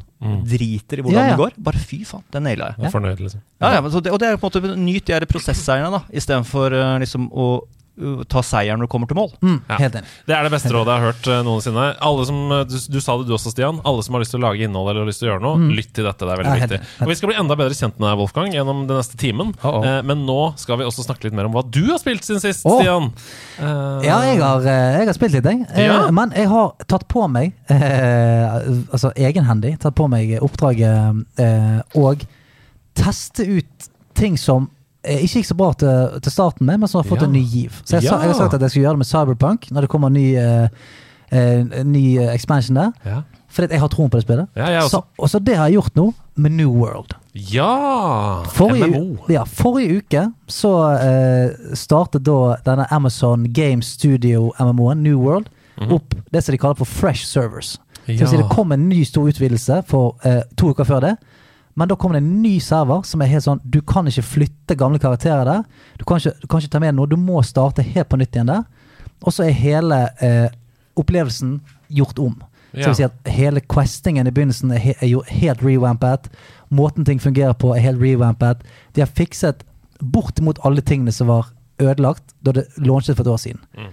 Så da tenkte jeg ok, da gjør jeg det. Starter det sammen med en haug med andre folk som bare starter på null. Og så skal jeg prøve på denne opplevelsen en gang til. Ja. Og jeg må si det er blitt jævlig bra. ja. Det er det eneste jeg kan si. Det er blitt Wow. skikkelig bra. Og når jeg spilte det for et år siden, så tenkte jeg sånn Dette spillet her er så veldig, veldig bra, men det er bare Det er så fucket. ja. Det er så nesten, liksom. er så nesten, for Dette er et spill som handler om å Du befinner deg i en gigantisk verden. Eh, det er liksom krigermentalitet. Man, må- man må lage forskjellige Man kan bli medlem av én av tre factions. Og da er man liksom Da fighter man for de grønne, eller man fighter for de lille, eller man fighter for de gule. Så hvis du er gul, og jeg er, eh, grønn, og jeg møter deg ute på, på gaten der, så kan jeg velge å fly på deg. Og du kan ta over byer, sånn at ok, vi tar over denne byen her, vi eier den, vi setter eh, skatten, vi, eh, eh, vi bestemmer her. Og så kan jeg melde et sånn, vi har lyst til å fighte dere for den byen der. Og da er det sånn, ok, lørdag klokken 15, da tar du med deg 40 folk, jeg tar med meg 40 folk, Så fighter vi for denne jævla byen her. Mm. Og så er Du hører at det er gøy. Det er som sånn casuals eh, på fotballkamper. ja, ja. ja, men det, det, Bare litt mer ordna forhold. Bare litt mer ordna forhold. Ja. Eh, bare, altså, eh, Casuals vinner ikke så jævlig mye. Her her vinner du en by. Så Hadde liksom Casuals vunnet en by, da hadde jeg skjønt at det var litt mer sånn stas å, å møtes i undergrunnen i Gøteborg. og sånt. Hvis det var sånn, Vinneren får Gøteborg. Men, eh, og det er sånn Jeg føler at alt som jeg har lyst på i et eh, MMO, er det. Det er sånn fantastisk Altså, alt du ser, kan du enten hogge ned, hakke i stykker, plukke med deg. Så, sånn at den der plukke opp ting, eh, lage noe shit ut av det eh, Alt er dritgøy. Og så er det eh, er det et veldig gøy spill å spille sammen også. For det når du er ute der, du vet at det kan dukke folk opp hvor som helst og prøve å fucke opp for deg fra det andre laget. Mm. Så jeg deler med seg en liten gjeng der. Ok, Følg med at det ikke kommer noe krypende opp på oss her nå. Og plutselig ender det opp i sånn voldsomme eh, slåsskamper eh, ute i skauen der. Dritgøy. Ja. Det, det, det gir jo mening, da, denne gjengmentaliteten som på en måte kanskje har ført i andre spill. At det, liksom, Ja. måte, er sånn, er en flokk Ja. på tur. og At det er sånn du får den Uh, altså, er, det, blir det veldig sånn, er det bare gutter som spiller det? eller? Nei, nei, nei, altså det er, det er flere jenter som spiller da. Så Ja. det er Det som er gøy, er jo Det, det sykeste Jo, det er nesten en slags storytime-spalte, men jeg går Altså, det, det som er gøy med det, er at du har åpen mic hvis du vil. Så hvis du snakker Hvis du snakker ute i, i verden der, så Mm. kan du høre hvis det en annen fyr som går ut og babler og har på mikken. da. Ja. Men kan du banke opp damer og sånn der? da? Eh, altså, du, du kan GTA, du. Er det GTA du tenker på? Er ikke det spillet du snakker om nå? Jo. Nei, altså, dette er jo en middelaldersetting. Vi er ute i skogen, Ja, det er borger, altså, det er jo svar- Svaret er hvis det er en eh, kvinnelig karakter med rusen som kommer mot deg, Ja. så kan du eh, selvfølgelig økse vedkommende ned. Hvis- det, hvis det, går hvis det er ikke, spørsmålet. Det går ikke tilfeldige eh, kvinner på, det, på nei, det er, ikke. GTA, det er ikke GTA 5, liksom. hvis Jeg fikk ikke med meg tissepoken der. Eh, og så um, Jo, så går jeg går opp på en, en, en bro midt ute i skauen. Så hører jeg en fyr. Jeg får, jeg får ikke healet deg. Jeg får ikke healet deg. Så jeg, det klikket for meg, da. Da hører jeg bergensk. Så ser jeg litt lenger nede i gaten der. Der er det en fyr. Altså en fyr og kompisen. Og han, han driver og maser på kompisen. 'Du får ikke healet deg.' Så går jeg ned der, så tar jeg på meg mikrofonen og sier 'Faen, er det bergenser her, eller?' Igjen! Og så ser han nikket mitt, og så ser han at jeg er med i nederlandslaget. Så sier han 'Er det Stian?' Så sier sånn 'Ja, heller'. 'Å ja, helvete!' Så jeg blir en jævla god stemning nede på broen der. og det var Jeg, jeg får sånn flashback, for jeg var eh, på eh, i en øy utenfor Bali. Så hørte jeg plutselig vinskvetten, eh, Salhusvinskvetten fra, fra Bergen. Begynte å spille, spilte ned på en strand. Trodde jeg faen, nå det klikket for meg. Kommer ned, der sitter det tre stykker fra Knarvik og hører på uh, Salhusvinskvetten nede på kaien. Litt sånn jeg fikk feelingen nå. Så nei, altså, Vi er, vi er overalt. ja, så jeg skal, skal skrive en liten sånn uh, anmeldelse av hva, The New New World. Ja. Men eh, jeg koser dritten ut av meg. Og eh, Nederlandslaget har en liten eh, guild på Ilium, hvis det er noen som føler at eh, de blir trigget av dette. her Så det, så det har jeg spilt uh, definitivt mest. Jeg har spilt masse Overwatch 2, selvfølgelig. Mhm. Gratulerer med seieren i duellen.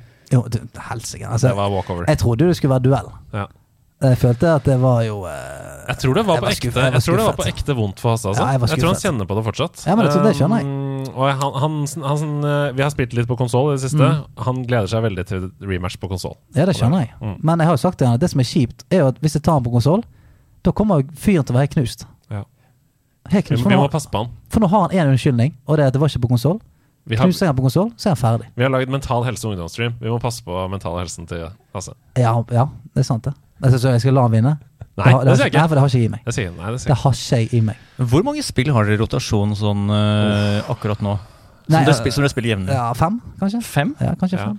Ja, det er, ja, jevnlig så er det noe sånt, ja. Ja. Mm. Men uh, er det noe annet du har spilt siden sist som vi kan snakke om? Eh, nei, for jeg sitter jo fremdeles og venter på eh, God of War, da. Og Som den- du har fått spille! Ja, for jeg har spilt masse God of War Ragnarok. Ah. eh, Det nye spillet som kommer eh, i morgen Ja. for alle folk. Og ja, nei, anmeldelsen Det er jo i dag, da, egentlig, sånn eh, for de som hører på. Ja, for de som hører på. Så, Mm. eh, så anmeldelsen kommer senere i denne episoden. Det blir veldig spennende. Mm. Eh, tok meg nesten 30 timer å komme gjennom det eh, spillet, rett og slett. Like, like lang tid som du bruker på å score i begynnelsen av Fifa. da Omtrent. Ja. Fifa har, har, har skjønt tidsaspektet. Sylte tider ute timer til folk. Men du skal nå ha fått kode på mail, så Oi! du kan komme hjem, gå, gå hjem og spille akkurat nå? Eh, ja, i, rett før vi gikk inn i studio okay. her. Så, så du skal få, kunne gått hjem og spille det etterpå. Så det, det trenger ikke å snakke noe mer om, for det får dere høre mer om etterpå. Jeg har også spilt Modern Warfare 2, altså Mm. Ja. den nye Call of Duty. Ja, det, det har jeg også spilt. Mm. Jeg har også spilt. Og jeg er veldig positivt overraska. Jeg er veldig positivt overraska. Jeg har Ja. ikke spilt Call of Duty på mange år. Nei. Altså Jeg har ikke opp det spillet Og da skjønner jeg, lenge. og da skjønner jeg det. Og da jeg kom inn der, så kjente jeg wow! Nå har spill kommet langt, ass! Det første jeg tenkte. Det kan ikke bli bedre enn dette! Er det så pent, altså? Ja, altså Det ser ut som eh, en TV-serie Ja, når du starter å spille det. Ja, Er det sånn spiller campaign? Mm. Campaign, Det er fotorealistiske dialoger, og det, du, blir, du er rett inn i liksom en James Bond-mission. Mm. Uh, Så yeah. Her skjer det ting, liksom. Mm. Du styrer en cruiser-missil som du tar over, da og bare kjører ned i en liksom, eh, ørkenbase der. Mm. Utrolig gøy. Jeg så sånn, sånn video I stedet for å game selv, så ser jeg bare video på YouTube. Yeah. Sånn der, Mm. Første verdenskrig var det sånn spill som kom, jeg lurer på om det var Battlefield. Bat- Battlefield eller et eller Mm. sånt. Så bare sånn, helvete. Nå har de Ja. kommet langt. Nå har det kommet langt nå. Helsike. Men det er det vi driver og kjenner på hele tiden. Nå Mm. har det kommet langt. Så jeg, jeg er veldig imponert over Modern Warfare 2, men du kjente på litt det motsatte. Ja, men jeg, jeg syns jo alltid nesten at de campaignsene som de lager, er, de ser så fantastiske ut. Mhm. Altså det, det er virkelig sånn Du føler at nå er du altså, Du føler at du er med, med på mission, Ja. og så tenker du sånn så, så går det opp for deg at dette gjør folk. Mm. Det, er det, det er det som gjør at det klikker for deg. For det, er sånn, Mm. det er folk som er nede i diverse land og gjør dette greiene her. Mm. Faktisk går rundt med alle mulige gadgets og er covered og lander midt på natten i Og- fallskjermer og, blir drept. og blir drept. Altså, Og det, dreper. 100 Altså En helt Mm. sånn absurd virkelighet. Så jeg syns de veldig mange ganger klarer å, å male godt der. Hvor, hvor fuckings insane det er. Mm. Det jeg også liker veldig godt, er at nå er det ulike vanskelighetsgrader i dette Cold-spillet, og det er mange av lytterne våre som har etterspurt Jeg ønsker meg mer realistiske krigsspill. Altså, hvis du blir skutt, så er du død. Liksom. Og så må du begynne, folk. begynne på nytt igjen, liksom? Ja. Og nå er det en vanskelighetsgrad i Cold Duty som heter realism. Ja, og det har vært, det har vært det. Ja. Og det, det, da jeg så det, så tenkte jeg wow, men dette er jo det folk etterspør. Ja. Altså De etterspør at en kule er uh, the end of you, liksom. men jeg kan si at når, hvis du spiller det, så etterspør ikke du det lenger. Nei. For det er helt jævlig. Altså, Hvis du spiller det på veteran, som er på en måte det vanskeligste, Mm. uten, utenom realism, så er det sånn Det er vanskelig. Det er sånn eh, Der er du ferdig. Og det er noen missions der der det regner bomber, granater, og folk skyter på deg fra alle mulige kanter. Så jeg spiller realism, der er du sånn eh, Jeg skal bare bort tøng! Der er du død. Begynner på nytt igjen. Ja. Eh, jeg skal bare tja! Der er jeg død. Sånn, det, det, jeg skjønner at man har lyst på reali- realistiske krigsspill, Mm. men det er ikke så gøy. Nei, Det er virkelig ikke så gøy. Men Det minner jo veldig om gamle dataspill. Vet ikke om jeg husker det, hvor ikke du kunne lagre og sånt. Sånn Ja. uh, Megaman 1 på Nintendo og sånne tingene her. oi. at du måtte liksom Må runde det. Du må runde det, ellers må du på nytt igjen når du starter Ja, ja. opp. Og det var sånn skjermen La. Nintendo stå på. Så hvis mamma kommer fra støvsuget, drar i stikkontakten, problem. Ja. Ja, ja. Det var litt skjerm at du ikke kunne lagre òg. Ja. Jeg mener det var gode gamle tider, men folk blir vel lei. Jeg tror folk hadde blitt steik forbanna hvis de ikke kunne lagre noe. Det tar 30 timer å komme gjennom spillet. Du får ikke lagre. Lykke til. Ha med, ha med dag. Hey, hey. Ha med, ha med dag. Ha med ting etter ditt behag. For det er ha med Vi får ikke lov å synge selv om Wolfram begynner å gynge. Han liker musikken, det rister i Ok. Hva har Stian med i posen sin? Han har masse snacks i posen sin. For Wolfgang har tatt turen fra fra Californebu. Og Markus Neby spiller gitar på hans lille studio. Men var han med seg i posen sin? Er det gammelt Gameboy eller spill? Eller er det en gitar som er vill? For det er han i dag. Ja. Det blir, eh, det blir ikke veldig mye mer synging, men det kan, kan være. Jeg er imponert. Jeg er med oppriktig imponert. Dere er ja. artister også. Oi! Ja. Artisteri. ja, dette her er jo imp- improvisasjon på Vi, høyt vi, nivå. vi tar det fra deg, vi. vi Men tar det dette deg. Jeg- jeg handler ikke om oss. Jeg lukka øynene her og tenkte sånn, faen, kul jingle jeg spilte. Så åpna jeg øynene, og så sang det faktisk i studio. Ja, det var imponerende. Ja, nei, Dette handler ikke om oss. Dette handler om deg og Ja. din ha-med-dag. Hva har du valgt å eh, glede oss med av en nærmeting? Gutta, altså, eh, Mm. nå sitter jeg, I sted sa jeg jeg tok ikke med noe, eh, for jeg har ikke noe å ta med. For jeg har kvitta meg med alt av eh, spilleutstyr. Ja. Jeg kunne tatt med Xboxen min. Oi! Jeg, tenkte meg. jeg kunne også gått i boden, løfta opp to kasser under noe julepynt, under noen sparkesykler, under juletrærne, Oi, så du eh, har det? Så kunne jeg også hente opp eh, PC-DVD-rommen til S- Command and Conquer Generals. Kunne jeg tatt med. Ja, men Eh, det burde jeg kanskje gjort. Kan vi ikke late som at jeg har det med eh, Ja, rett du- under bordet ja, her, men da? Du sa jo i sted jeg har kvittet meg i alt av gamingutstyr, men du har bare flyttet inn i boden, og du gadd ikke å flytte en sparkesykkel. Jeg kom på det nå. Jeg kom, jeg kom oppriktig på det nå. At jeg har faktisk noen PC-DVD-rommer nedi der. Og du, vet, du- du vet det som en småbarnsfar, du har ikke lyst til å gå inn i den sportsboden Nei, nei, det, det på en tirsdag. Det er enig. Men det nærmer seg jo jul, da. Du må jo snart inn i den boden uansett. Jeg håper ikke det. Fordi du skal ikke pynte til jul. ja, pla plastikkjuletre. Kjøpe nytt plastikkjuletre. Kjøpe nye, ny julepynt. Vi vil ikke inn i den boden ja, der. er strictly in-bod. Det er kun ting som går inn, Ja. ingenting kommer ut. Det er helt Det er som Mordor. Det bare, et julehavn. Det forsvinner Ja, jeg gleder meg til når du skal flytte sånn 25 juletre ut derfra. 700 julekuler. For har du tenkt å bo der du bor nå resten av livet? Jeg har jo ikke det. Nei, så på et eller annet tidspunkt må den boden Jeg, jeg, jeg kan helt ærlig si at en av grunnene til at jeg ikke har lyst til å flytte, er å flytte, ut, altså flytte boden. Ja. Det er det jævligste. Men ok, så du har ikke tatt med deg Så har jeg har noen PC-DVD-roms uh, liggende og slenge i boden, ja. Skal være ærlig. ja. Jeg kunne tatt med det. Ja. Mye av det. Men det som er positivt, da, er jo at når du da en eller annen gang skal rydde, Mm. finner du masse leker eh, som du, Ja. som du syns er gøy å leke med igjen. sant? Og da sparker vi den interessen som vi prøver å gjøre med deg nå. Vi prøver å Mm. få deg inn i Vi prøver å få meg på drugs her, merker jeg. Ja, det, det er, eh, ja, jeg, jeg skjønner hvorfor. Ja. Det, der, det der er en fin verden, men det er jo litt sånn en en dopaminverden jeg er veldig redd for å gå inn i igjen. da. Jo, men det er jo, du må jo se på det mer som en kilde, og ikke en brønn. Altså, du, skal ikke, du skal ikke hoppe opp i brønnen og lukke igjen lokket over deg. Du skal bare ha det der som en liten sånn liten energibooster her og der. sant? Mm. Jeg har en kompis som tar en del sopp på LSD og sånt. Ja. Han, han bruker akkurat samme språk. Han prøver på å få meg til å prøve å teste ut sopp på LSD. Skal man være bare, sånn ja, men Det er bare for å prøve det én gang, Wolfgang. Du trenger ikke å ta så mye i det. sant? Det, det er ikke veldig samme type. En ja, Du trenger ikke å gjøre det hele tiden. Come on, da. Kom på én gang. Bare sånn greit du og Jeg har sammen. Jeg skal bare på Gjøre og spille. Jeg skal være med, eller? En veldig forvirrende hammedag nærmer seg slutten. Vi skal Nei, videre. nei, jeg har, jeg har jo med meg ting. Har du med ting? Har ikke du med deg ting? Nei, det er jo hammedag når gjesten Nei, er det er alle som har hammedag. Jo, og nå har du glemt det. Jo. Fy faen, det var deilig. Hva er det, Nei, det var deilig at Andreas hadde glemt det. hva er det du har tatt med deg på ha-med-dagen der, du- der du ikke skal ha med ting? Ah, Jeg, med, jeg skal ha med meg. Det er ha-med-dag. Tror du det er sånn på sko har, du, har, du glemt, har du glemt hvordan ha-med-dag er? Tror du det er sånn ha-med-dag på skolen så er det én skal ha med seg ting? Alle skal ha med seg ting på ha-med-dag. I episode 164 av Nederlandslaget så har Stian fått slag. Vi har altså laget episode med gjest alltid. Pleier å være gjesten som har med seg ting. Pluss plus, uh, oss.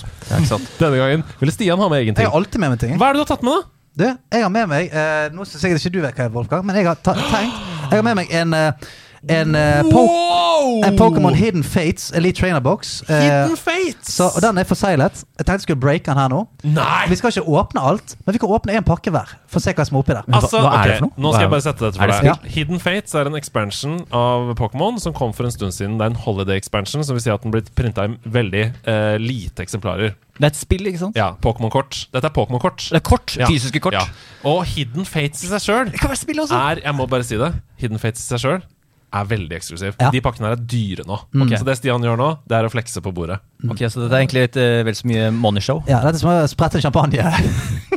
bare, bare for å ta tre glass av den. Men uh, vi skal åpne en pakke hver nå. Så Ja, åpner det jeg veldig gøy. Eh, dette, og det, grunnen til at vi bare åpner en pakke hver, er veldig dårlig podkast og eh, åpne Pokémon-kort. Men det er òg veldig stemning hvis vi åpner noe, noe gøy, da. Ja, Og i Hidden Fates så kan du virkelig dra noe helt eh, vilt, altså. Der er det kort som er verdt flere tusen kroner. Mm. Eh, altså, men hvor kjøpte du den eh, kassa derfra? Du, jeg kjøpte jo eh, et par sånne når eh, de var liksom i butikk. og da er det ikke så dyre. Nei, Så da kostet det vel eh, 900 kroner, tror jeg. What? Mens nå er det vel eh, Jeg har ikke sjekket det siste, men sist jeg sjekket, så var vært verdt 1500. Eller, Ja, tror jeg. ligger rundt det dobbelte Ja. nå. Eh, Du sa tusenvis av kroner for noen av de kortene inni der? Ja. Så da må det være verdt 15 000, da. Hæ? Skal jeg ta med en til dattera mi? Hun driver og Nei, det Nei, du skal ikke ta med disse. Du skal mine kort. du skal få åpne en. Skal få ære å Du, åpne. Dattera mi elsker de greiene her. Sleng over. tusen takk, Stian. da okay, da åpner åpne. jeg en Hidden Fates-pakke, og her er Ja. altså de tre legendariske fuglene på utsiden. Sett Ja. oss Kuno Moltres. Hva har du på din? Du har Mew, du. Og det er vel en slags uh, Ja. Det er vel en slags kan, jeg, kan, jeg, kan, jeg, kan jeg ta med ett kort hjem? Er du forsiktig med bitingen? Forsiktig med bitingen. Oi, er det rookie- noob? Ja, jeg jeg, Jeg øh, får trekker her. Det høres fortsatt ut som han er soppfyr. Vær forsiktig. Og jeg får en hollow! Jeg får Misty's Water Command. Hollow bakerst her. ja. Eh, Nei, jeg fikk, jeg fikk bare drit, jeg. Men jeg ser at Wolf har et hvitt kort der. eh, kodekort. Så det betyr at det sannsynligvis er noe bra i hans eh, Hva er det bakerste? Hva, hva? Har, du noe, har du noe glinsete der? Det her er sånn innloggingskode til noe Onlyfans-greier som ikke Ja. skal Ja. Ja. er det noe som glinser der? Ja. Vis meg, vis meg boken. Det er en sånn stjerne oppi hjørnet. Og så Ja, det betyr at den er 300. Hva betyr det? Ja, det betyr at den har 300 liv. Å ja, den er 50 ja, Men, Men vis, vis det som glinser, da. Den? Ja. Å, du får en Baby Shiny! Ja, nei, det- Baby Shiny-kort! Det er Det, det er greit, det. Altså, det er greit, men Hva, altså, hva er navnet? Noi... Jeg har ikke briller på. Noivern? Noibat. Noibat, ja. Noibat, ja. Ja, eh, Pokémon Center Lady her og en non-hollow Bills analysis her, så det var ikke det store for Ble ikke noen svære hits denne gangen, men uh, Elite Trainer-boksen til Stian Den er det flere pakker i, så det betyr at kanskje det kommer en Twitch-stream. På et tidspunkt ja, eller en liten, disk, liten Discord-stream, kanskje, bare for de spesielt interesserte. Men hva gjør dere med de kortene her? Spiller dere mot hverandre? Og... Vi Du kan det. Du kan spille mot hverandre med dem. Ja, Men uh, vi er så late at vi bare samler på dem. Vi må tilbake Yes. i sporet vårt.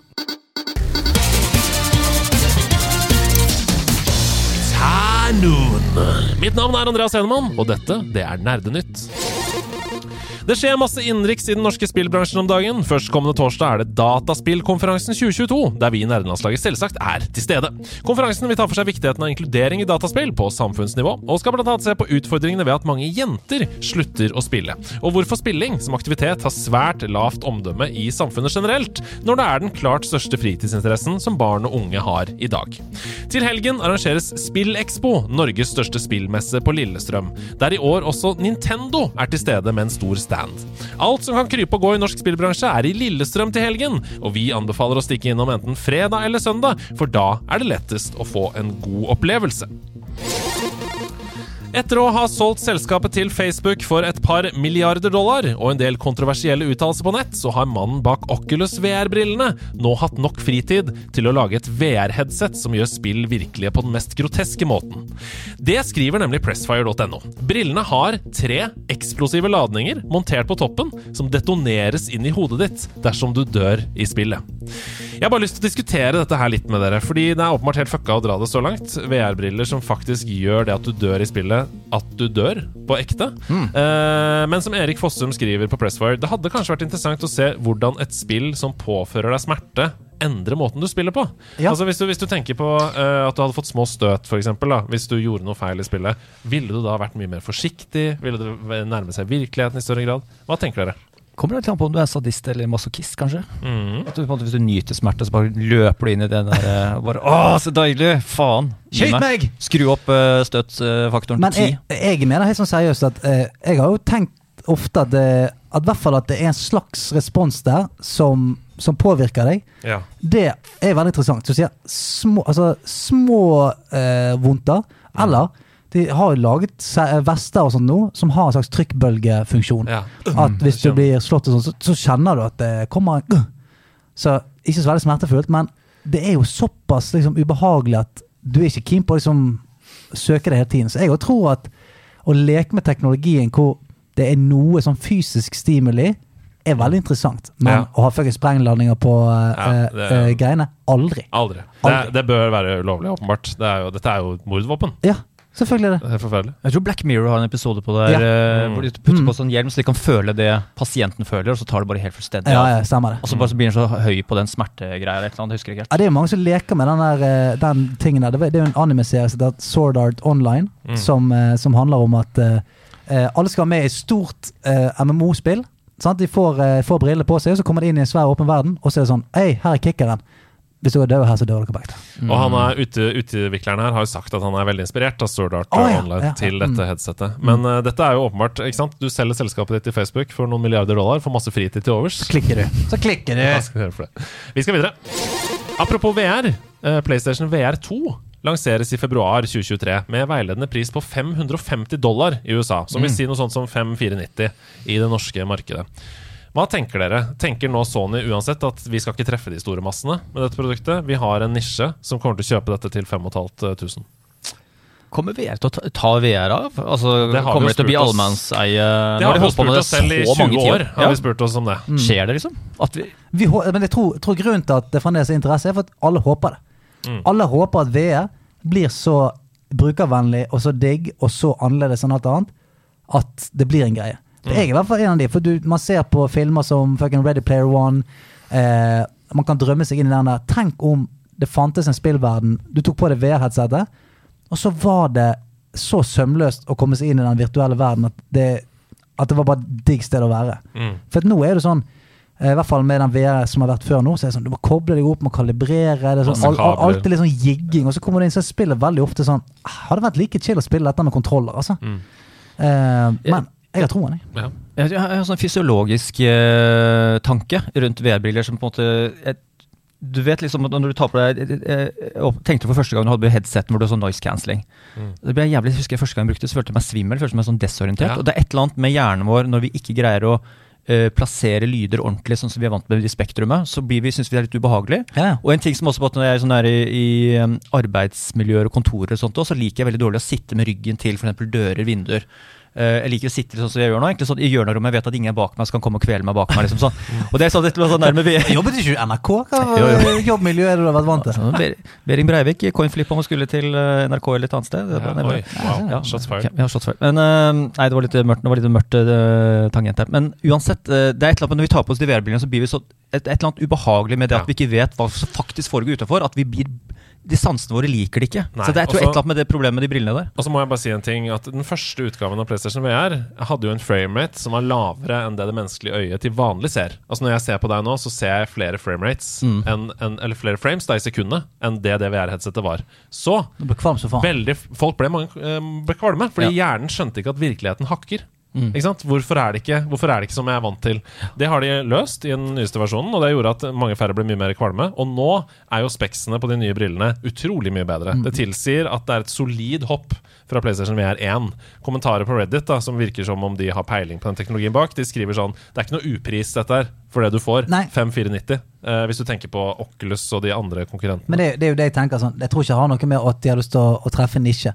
Jeg tror det bare er sånn eh, Vi har kommet til et sted nå hvor skal man pushe limiten så raskt som vi gjør det nå, så koster tech jævlig mye penger. Ja. Og det er mangel på chips, det er mangel på, eh, på produksjonskraft rundt omkring i verden. Det er lite ting å oppdrive. Så det, ting koster penger. Det er beinhardt. De virkelig proffe segmentet i denne bransjen koster jo det dobbelte for PC. Så Ja. Det er litt eller som med teknologien også. Når jeg bare sitter og ser på den, så tenkte jeg litt sånn der, Jeg kan snu hodet mitt, men jeg ser fortsatt det samme. Altså bare sånn, jeg, jeg har det nesten samme utsnittet av sti. Altså Blikket mitt er låst på stia, men hodet ja, mitt sånn, ja. er på en måte, altså Det er et eller annet med hodebevegelsene. Med, med Ja. VR så på en måte beveger du blikket liksom etter hvordan hodet forandrer seg. Men Ja. jeg bare forandrer hodet liksom nå, men jeg ser liksom noe av det samme Ja, med øynene. da Ja. Så Interessant. annet, ja. Så blir det kanskje det kvalmhetsaspektet. Vi får se hvordan det går. Jeg har også troa. Historisk så har ikke det japanske PC-spillmarkedet vært spesielt stort, men det er nå i endring. Eh, Kadokawa Research har offentliggjort en rapport der de hevder at av de 16 millioner PC-spillerne i Japan, spiller 4,5 million utelukkende på PC. Ja. Og det tallet er sjokkerende nok opp 100 Oi, i samme selskapsrapport fra 2015, altså bare syv år siden. Da, svarte, da spilte bare 2,2 millioner eksklusivt på PC. Selskapet det hevder at hovedfaktoren bak den boomen er isolasjon pga. covid, eh, mangel på PS5-konsoller i Japan og økt aksept for både utenlandske spill og indiespill via Steam da, og Epic Game Store. Valve de går selv langt i å bekrefte det her og sier at Japan ikke bare endelig har kommet inn i Steam sin topp 10-rangering over land som bruker tjenesten, men at landet for tiden skilter til en av de høyeste vekstratene over hele verden på PC-gaming. Og jeg kjente jo selv da, på at veien fra liksom videomøter til PC-gaming ble veldig mye kortere pga. covid. Eh, Ja, ja. Uh, hva tenker dere om dette? Hvorfor er det en PC-boom uh, nå? Nei, jeg tror du forklarte det ganske greit i oppsummeringen din der. Ja. Det er vanskelig å fighte mot uh, alle ekspertene som du ramser opp uh, i starten her. Men har dere kjent på det sjøl? Altså at du har åpna døra mer for PC? Du har jo alltid vært en PC-gamer, Ja. men Ja, For meg blir det vanskelig å, å se noen forskjell, for jeg har alltid spilt mye, og alltid spilt mye på PC. Men eh, det du nevner der med det å, å være hjemme, være i en modus med sånn Jeg sitter på kontoret, it just happened to ha, ha noe spill på PC-en. Så ja, nå er det en time til neste møte. Ja, kan jeg jo ta, hive meg inn og ta noen runder liksom før neste møte. 100 Er det jo, de fleste har konsollene sine fortsatt i stua og sånt òg, kan det han noe å si? At det, sånn at det tar liksom en del av uh, familielivet eller sosiallivet. Du stjeler, du tar jo hele rommet, på en måte. Ja, ja. og Ber alle holde kjeft og liksom ikke forstyrre. Mens du er på kontor, så er du mer konsentrert, mer mm. dedikert. Ja, nei, men det, du er inne på noe der med at, at eh, Og det ser vi i norske hjemme òg, at konsoll ofte er i stuen. sant? Og da, da legger du beslag på eh, Yes. ja, da, skal, da skal ikke familien se på TV, damer skal ikke få se på showet sitt. Ingen, er det bare, sånn, nå, er det, nå, skal, nå er det spilling. Mm. Ja. Så jeg tror det. altså. Interessant. Vi får se hvordan det går med Japan videre. Om eh, Sony begynner å slite fordi de ikke klarer å levere. Fordi folk eh, går over på PC. Ja. Vi skal til været, vi. Og det koker i utgivelseskalenderen denne uka her også. I dag så får vi jo storspillet Sonic Frontiers, som Ida skal anmelde for oss i nederlandslaget. Første open world Sonic-spillet i historien. Eh, har dere troa? Eh, Har alltid troen. Men eh, det er vel en sånn big fat butt på dette her, ikke det? Ja, vi får se, da. Ja. Eh, Jeg, har, jeg har bare sett én anmeldelse så langt. Jeg har ikke lyst til å si så mye om det pga. at jeg ikke har lyst til å farge Ida så mye. Men eh, det, det, du, du kan si til meg. Ja, ok, si til dere, så håper at hun ikke hører Ja, episoden. episoden. ja. De sa at det er overraskende bra. Ja. Eh, IGN. Ja, men altså, hva, hva Jeg så ikke scoren, for jeg ville ikke se scoren. Men uh, jeg så kommentaren, øverste YouTube-kommentaren var sånn uh, jeg, er veldig, jeg er bare glad for at det ikke suger, liksom. Det var noen som skrev. Det er forventningen nå. Ja, ja. Okay. Fordi Sonic har blitt så veldig svakt de siste årene. Har du det? Jeg har introdusert jentene mine for Sonic 1 jeg nå på Xboxen. Ja. Arcade style. Så det er Hør på deg, da! Jeg syns det er vanskelig. Du er jo en gamingfar! Jeg, uff, nei, jeg vet, Ja. Det var, det Sitter der med. Pokémon-kortet i nervene skal ta med hjem til ungene og Koser seg, da. Ja, ja, nå er du i ditt ess! Faen, rett inn på dopaminkjøret, nå. ja, ja, ja, ja. Det glinser i korta! Oi, det her. Nei, men det, det er deilig. Sonic, vi har liksom jeg, jeg kommer til å gå inn i det med åpent sinn, i hvert fall. Jeg har lyst til å prøve det. ja. Mm. Jeg, jeg, eh, og, og- jeg det jeg, jeg bare tror ikke jeg kommer til å spille, for jeg er ikke så Jeg er ikke, jeg skal ikke si jeg er ikke så glad i Sonic, men Mm. Eh, jeg, jeg, jeg klarer ikke helt å hekte meg på det. Nei, og det er mange som konkurrerer om tiden vår nå. Ja, ja. så. Men kan vi ikke, hvor blir det av Alex the Kid? Er ikke han Alex the? Kid, ja. Hvorfor skal ikke han, han, gjøre comeback snart? han, har ikke, han sliter litt med å komme, komme tilbake igjen. Altså. Stein, saks, papir, Ja. Kid. Apropos Kid, i morgen kommer God of War Ragnarok. Som vi har snakket om som dere, ja, som dere straks skal få høre hva jeg syns om. Ute på PS4 og PS5 så er det Garfield Lasagna Party. Det er ute på torsdag. Ja, for det er, det er sånn Mario Party, ikke det? Ja, det er rett og slett. Mario Party. 32 minigames uten selve brettspilldelen. Mm. Bare minigames liksom med venner ute på alle konsoller og PC. Vi synes det er gøy. Og til slutt så tar vi med Nine Years of Shadows. Okay. Ok. Jeg tror vi har snakka litt om det her i NL før. Superstilrent 2D actionplattformer med blanding av da anime og pixel art. Så det ser ut som Ja, det ser ut som Owlboy møter Castlevania. Ja. Rett og slett. Eh, godt nytt for fans av begge de to spillene. Ute på Switch og PC mandag 14. november. It's high noon! Mitt navn er Andreas Hedman, og dette her, det var Nerdenytt. Anmeldelse i nerdelandslaget. Yeah, du kan like den grooven her, Wolfgang. Laget på Hiphop BJ. Fin breakbeat her, altså. Der. På BJ, ja. Yes, jeg har anmeldt God of War Ragnarok, og det var vanskelig å bruke få ord om det, så her kommer eh, tett på 11 minutter med God of War Ragnarok.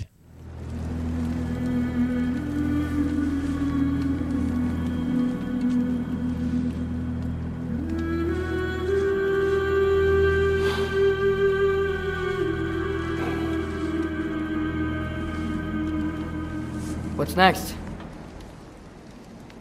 Home.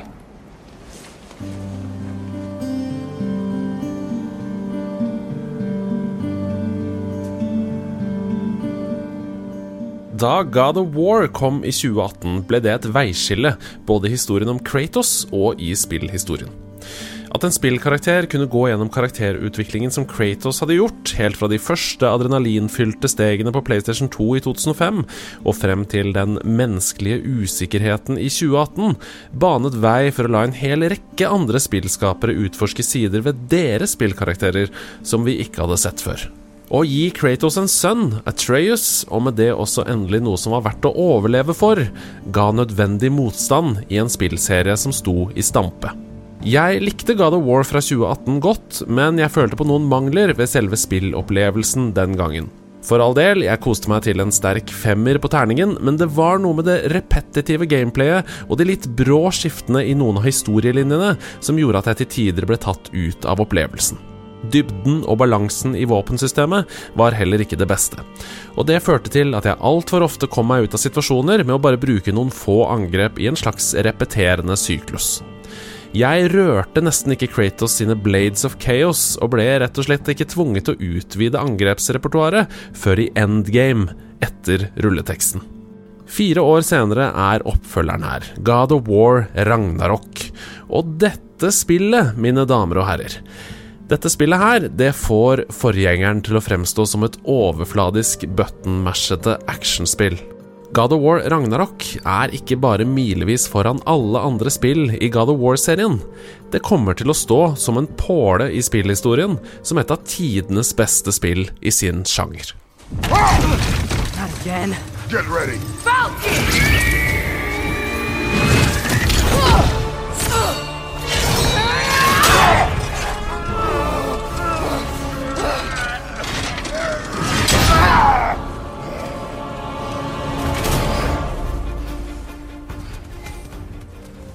Kratos og Atreus sin reise begynner der hvor den forrige sluttet. Forholdet mellom far og sønn er vanskeligere enn noensinne, hovedsakelig fordi Atreus er eldre nå og midt i en av de vanskeligste delene av livet, overgangen fra ungdom til voksen. Det fører med seg problemer for enhver av oss, men når du i tillegg har overnaturlige evner som du sliter med å kontrollere, og ønsker svar på en hel rekke spørsmål knyttet til både din egen og alle du er glad i sin fremtid, da kan det koke over iblant. Kratos sliter med å forstå valgene Atreus tar, og Atreus er møkka lei av pappas overbeskyttende vesen, og ikke minst mangel på tillit. Dette er altså en klassisk fugl ut av redet-historie som hadde fungert strålende i seg selv, men det som eleverer den til et høyere nivå, det er de ytre kreftene som presser på. Vi befinner oss nemlig midt i Fimbulvinter, som ifølge norrøn mytologi er den harde vinteren forut for Ragnarok. Og Ragnarok, det er verdens undergang, som gjør ende på alt levende. Med andre ord så er det ingen tid å miste. Her må tillit bygges raskt for å stoppe verdens undergang. Do you believe in prophecy? I'm skeptical by nature, though we have seen things that defy explanation. So, speaking as the smartest man alive, I've no bloody idea. Historien er mesterlig skrevet, og for å følge opp narrativet fra tidligere for hvert pennestrøk vi kommer nærmere en konklusjon, så hamrer historien løs på noen av God of War 2018 sine klisjeer, med nøye gjennomtenkte og godt motiverte handlinger hos karakterene vi blir kjent med. Det er ingen karakterer her som er direkte gode eller direkte onde, og som hos de største mesterverkene så forstår vi hvorfor alle gjør som de gjør. Det er i det hele tatt meget bra jobba å få noe som i utgangspunktet er veldig fjernt for oss, nemlig en kamp mellom guder i norrøn mytologi, til å bli så menneskelig og nært. Gameplay-messig er det mye vi kjenner fra 2018-spillet her, men så å si alt er gjort bedre. Fordi gameplay i seg selv veves inn i historien, så vil jeg ikke fortelle så mye om det, annet enn at God of War Ragnarok er kjempe, kjempegøy å spille, og langt mer utfordrende, morsommere, variert og givende enn forgjengeren. I de største bossfightene så danser du som spiller rundt mellom ulike stances, våpen, komboer og superkrefter som om det du opplever er en nøye koreografert setpiece. Men det er det ikke. Det er bare gameplay i seg selv som er så godt balansert og gøy at det føles som om noen har skrevet hvert eneste trykk for deg.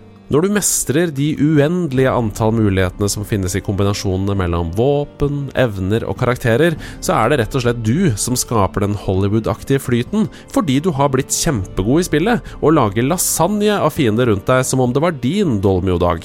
Den følelsen av kontroll og mestring, det er det bare Elden Ring som er i nærheten av. 이 루.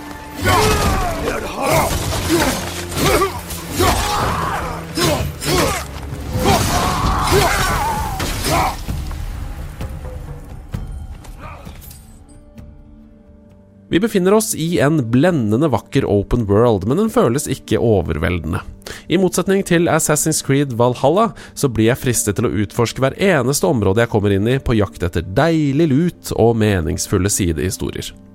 Områdene vi beveger oss i, er varierte, og til deg som var redd for at Fimbulvinter ville holde landskapene isdekte og fargeløse som planeten Hoth, frykt ikke. God of War Ragnarok tar oss gjennom alle temperaturer og hele fargespekteret. Jeg brukte 27,5 timer på å komme meg til rulleteksten, og jeg tipper jeg har minst 15-20 timer foran meg med ulike sidehistorier og innhold som jeg ikke har opplevd ennå. Det kan jeg ikke vente med å sette i gang med. Som dere sikkert skjønner, har jeg hatt det helt latterlig gøy så langt i min reise gjennom alle de ni ulike rikene God of War Ragnarok lar deg spille i, og derfor er det ekstra surt at det er én ting med spillet som ødelegger for meg. En helt unødvendig ting som har fått meg til å rope 'hold kjeft', da! flere ganger i løpet av min gjennomspilling, og som burde vært mulig å skru av eller på med en enkel innstilling i menyene. God of War Ragnarok undervurderer nemlig dessverre deg som spiller, ganske ofte når du holder på med puzzles. For selv om jeg har skrudd av alt av tutorials og har satt eh, 'hjelp med puzzles' til innstillingen 'extended pluss' i menyene, så kommer jeg ikke unna at Atreas etter seriøst 7-8 sekunder med tenking knyttet til et puzzle utbryter 'I think my arrow will fit up there'. Eller at det smeller fra Mimir som henger på hofta mi. Have you tried looking at this from another perspective? Da Mimir på et tidspunkt greide å si 'Brother, you've taken a wrong turn', ble jeg helt perpleks. La meg bare spille spillet, god damn it! På et tidspunkt så følte jeg at spillet hadde lyst til å si til meg To advance in the game, you have to press R2 to throw your axe and cut down that crate over there. Altså, jeg lover på tro og ære at jeg har saumfart alle menyer mang en gang i løpet av min gjennomspilling etter en måte å skru dette av på, men det er ikke mulig. Og det er dessverre en ripe i lakken i et ellers helt perfekt spill.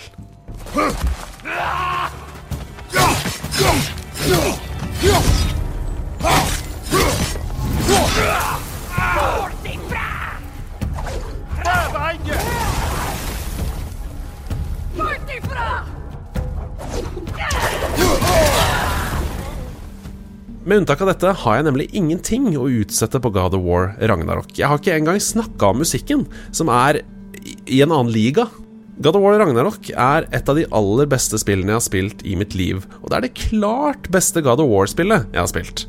De siste timene av spillet gir meg gåsehud over hele kroppen av å tenke på, og gjør at jeg umiddelbart har lyst til å spille gjennom hele spillet på nytt, fra start til slutt. Det er liten tvil om at hvert ledige spilløyeblikk fremover vil tilbringes i norrøn mytologis ni riker, for å utforske hver eneste krik og krok som spillutviklerne har skjult der inne. Det er to helt nye moduser som jeg engang ikke har begynt på. Jeg bare håper at jeg får lov til å finne ut av ting selv, nå som jeg har bevist for utviklerne at jeg er god nok. God of War Ragnarok får 97 av 100 hedermenn, og hadde utvilsomt fått 100 av 100 dersom jeg fikk lov til å løse oppgavene selv.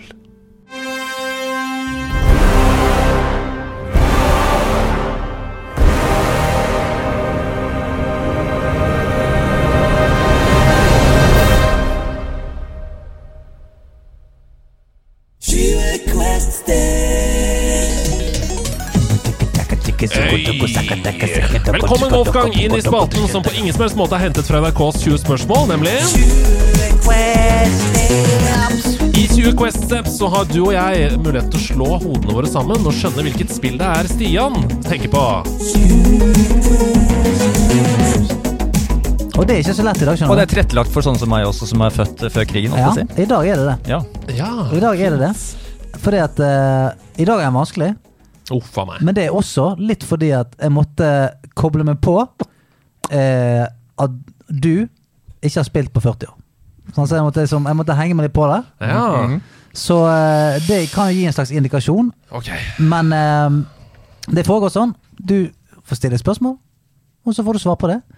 Og så har du brukt opp ett av dine 20 Quest Steps. Jeg skal holde tellingene, og Ja. så må jo vi jobbe sammen da for å prøve å komme oss fram til dette her. Uh, mm. Dette det gjør jeg med ungene på biltur hele tida. Oi, ja, fantastisk! ja, dette her, dette her er topprett topptrent. Ja. Da er det bare jeg å gønne i gang. Hva har du lyst til å spørre Stian om først? Er spillet uh, kommet ut før 1995?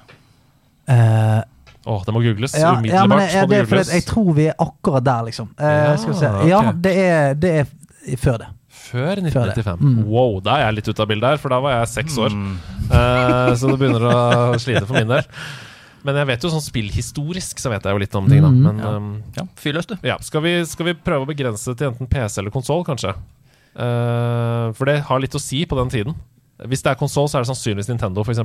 Mm. Um, løs. Ja. Er dette et spill som utelukkende var på konsoll? Nei. Ok, ikke utelukkende på konsoll, kanskje dårlig Det var spørsmål. veldig dårlig spørsmål. Ja, Er det et uh, skytespill? Nei. ikke et skytespill. Uh, kom det til PC? Ja. Ok. Fire spørsmål. Vi har 16 igjen. Skal vi Eh, gå på strategi? Er det for litt for vagt, eller er det Ja, altså de, de store sluggerne på denne tiden som var på PC, er jo RTS-spill, som du snakka om i stad. Men det er også skytespill, og det er ikke et skytespill. Uh, pek og klikk var også stort på den tiden. pek og klikk, ja? Eh, skal vi spørre om det, Um, kanskje? Nei, det var ikke utelukkende på, på konsoll. Eh, det var kun Altså, det var på PC og PC. kan ha vært på konsoll. Ja, kanskje. Var det et strategi... Var det et strategi er det et strategispill? Nei.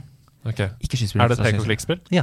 Å, det er et pek og klikk-spill! Yes! Ok, da må vi til Lucas Arts. Det er pek og klikk Ja, ok. Da begynner vi Er, er det Lucas Arts? Nei. Oi! For da, er det, da har vi utelukka Day of the Tentacle. Vi har utelukka um, det derre biker-spillet. Vi har utelukka Monkey Island. Jeg også også Monkey. Er det det? Er det pek og klikk? Ja, Mm. og det okay. var også Lucas Arts. Så um, Alt det Kings Quest-greiene, det oh. Det, men det er ikke pek og klikk, Fordi det var jo bare med tastatur. Hmm, ja, fordi det begynte jo som at du skrev kommandoer, ja. Mm. Kings Quest og Space Quest og sånn. Det fantes ikke noe mus på den tida der. Nei Og nå Ja, fordi Apple introduserte musa. Mm. Det var de som begynte med musepekeren. Ok, det er pek og klikk. Det er pek og klikk. ok, skal vi Ah! Det, er- der er litt, uh, det er et eventyrspill. Ja! Det er i eventyrens ånd, definitivt. Er det et puzzle-spill? Nei Nei, for det er utelukka Myst, for eksempel. Okay. Ikke sant? Ehm, på PC, pek og klikk, jeg tenker på ting som The Dig, for eksempel. Mm. Uh, som var på en planet, eller på månen. Du skulle grave inn til kjernen av månen. Um, er det fortsatt relevant i 2022, dette spillet?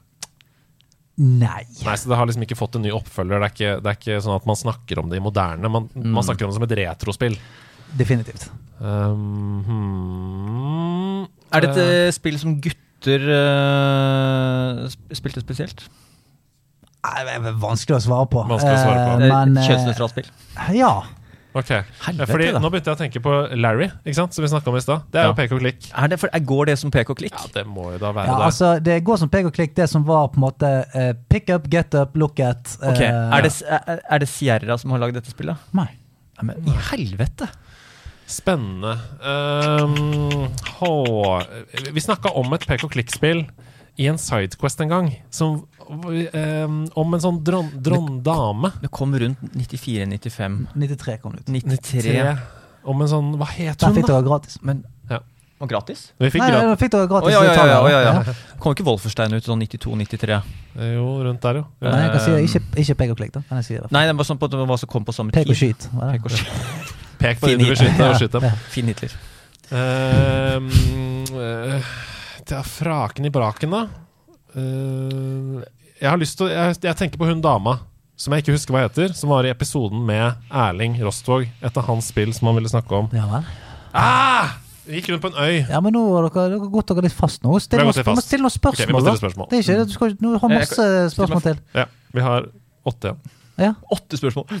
I helvete. ja så er det bare å begynne å grave seg ned. Så må du stille noen spørsmål. Jeg prøver å tenke her. Jeg prøver også å tenke. Det er, det er vanskelig. Uh, det er vanskelig Giana var det kanskje jeg tenkte på. Giana tror jeg hun heter, hun dama. Ok, okay la oss bare Ok, altså Er det, er det, SS, er det, et, uh, er det viktig med kart i dette spillet? Nei. Ikke viktig med kart. Shit, ass. Jeg er så ung på denne tiden. Jeg har jo ikke, Dette må Nei, jeg altså, spilt i det er- retrospekt. Og det, og, dette er ikke et spørsmål, men dette er, dette er noe jeg skal klare? Dette er det på noe som er helt opplagt for meg at jeg burde Nei, ikke, ikke opplagt, men Nei. jeg vet jo at Andreas har hørt om det. Og igjen, hvis du har, hvis du har Det spilt står i spillhistorien Hvis du har spilt eh, som MS-DOS og sånt rundt den tiden, og spilt de spillet som jeg hører du snakker om, så, så er det iallfall eh, Er det et rollespill, dette her? Nei, det er et pek og klikk-spill, som vi har kommet fram til. nå. Det er okay, pek og så rollespill er noe annet, det da? Ja, altså Så det er ikke, så det er ikke sånn der Might and Magic og de greiene her? sånn Heroes type- of Might and Magic. Ja. Nei, det er strategi, liksom. Det er strategi, ja. Mm. ja, ikke sant. Uh, Er, er det et det sportsspill, da? Oi! Lengste reisen. Lengste reisen, var det? Det norske pek og klikk-spillet. Ikke på, ikke på MS-DOS i 1993, dessverre. Nei. Eh, nei, nå bare tenkte jeg høyt. Nå bare begynte jeg å åpne en annen dør i hjernen. Okay. Uh, for det kom i 1999, så det var ikke Ja. det. Men, men norske pek og klikk-spill Fantes det norske pek og klikkspill? Ja, ja, absolutt. Jeg, jeg streama det på torsdag, den lengste reisen. Gjorde det? ja, det var dritgøy. April Oh, Ryan. oh, oh, um, er, handler det om Kan det være Civilization, da? Ja, men det handler strategi, ikke klikk. Også strategi. Stor Altså, han, er- han, han, er, han er vanskelig i dag, Ja. Og det er han. Ok, uh, Grim Fandango, også uh, LucasArts. Mm. Uh, Det meste av gode pekeklikk var liksom Lucas Arts, men shit, altså. Mest. Er det hun Er det en kvinnelig hovedperson? Nei. Det er en mannlig hovedperson? Brukte du to spørsmål på Er det, vent, da! Vent da Vent nå litt. Vent nå litt Er det, er det to stykker som er hovedpersonene?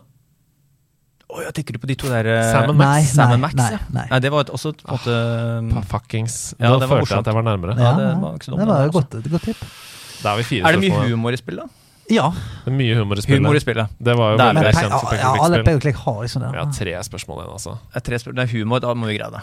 Ehm, 1993. Oi, hva med um, ostespillet, holdt jeg på å si? Hva var det det het igjen, da? Å ja, det er Alleycat? Nei, det er fra 80-tallet, tror jeg. Jeg, jeg tenker på Ostespillet. Eh, Det høres ut som jævla bra spill. Pek og klikk. Jeg sliter, altså. Kan vi Ja. bare bruke opp de tre siste spørsmålene? Vi må bare tippe her. Um, Ja, vi må greie det her. Du får bare klippe det her ned hvis det blir for langt. Uh, jeg, jeg har ikke noe flere i, i banken. Kan, kan vi ta et hint, eller? Kan vi, Kan vi bru- bruke et spørsmål på et hint? Jeg kan bruke det resterende spørsmålet på ett hint. Ok, Tre spørsmål bruker vi da på ett hint. Og hvis vi klarer det på det, så har vi på en måte klart det. Ja. Hint? Strengt. strengt. Ikke Harry Potter. Ikke Harry Potter. Men Ikke Harry Potter eller er, Ringenes Herre det er noe magigreier her, da? Ringenes herre ehm, Hvorfor går du på Ringenes herre? Er det ikke, ikke, men er det ikke en Trollmann. annen, annen magiker, da? Åh, Trollmann, Er det The Wizard of Oz, kanskje? Ja, var det et spill? Pek og klikk-spill? Klikk. Det Trollmannen fra trollgreier ikke Harry Potter. Det er noen, det er noen, det er noen OG som skriker i bilen nå, tror jeg. Det er noen OG som skriker i bilen. Nei, jeg har ikke sjans. Jeg må gi meg. Harry Det er Simon the Sorcerer. Åh, Det hadde- det hadde jeg aldri gjort det hadde jeg aldri greid. greid. Nei, nei. Jeg kan si med en nei gang. sa han var vanskeligere. Wow, jeg Men må bare sjekke om noen i tror- chatten har klart det. Ja, det har de selvfølgelig Ja. på Twitch her. Simon the Sorcerer, sier folk her. Det er det sikkert definitivt Simon the Sorcerer. Helt sikkert Simon, ja. De har klart det. Eh, så gratulerer. Det var Så sinnssykt vanskelig. Ja, det var sykt vanskelig. Ja, Ja. Men, Eh. men det var jævla vanskelig å vite at du ikke har spilt siden MS-DOS, og, eh, og allikevel ikke så lett at Andreas tar det med en gang. Så Vet du hva? det- Jeg syns det var dritbra. Ja. Og jeg må bare si, dette er første gang vi, vi ikke har klart 20 Quest Steps. Oi, oi, oi. Og sånn skal det være. Og så skal det være. Og Det sånn skal være vanskelig. Jeg skal det. Ja. Well, actually, surely what you're saying is a balderdash of ox's feces, sausage tissue, urine talk. On, on the contrary, no, no, no, no. I beg to differ! De nerde strides.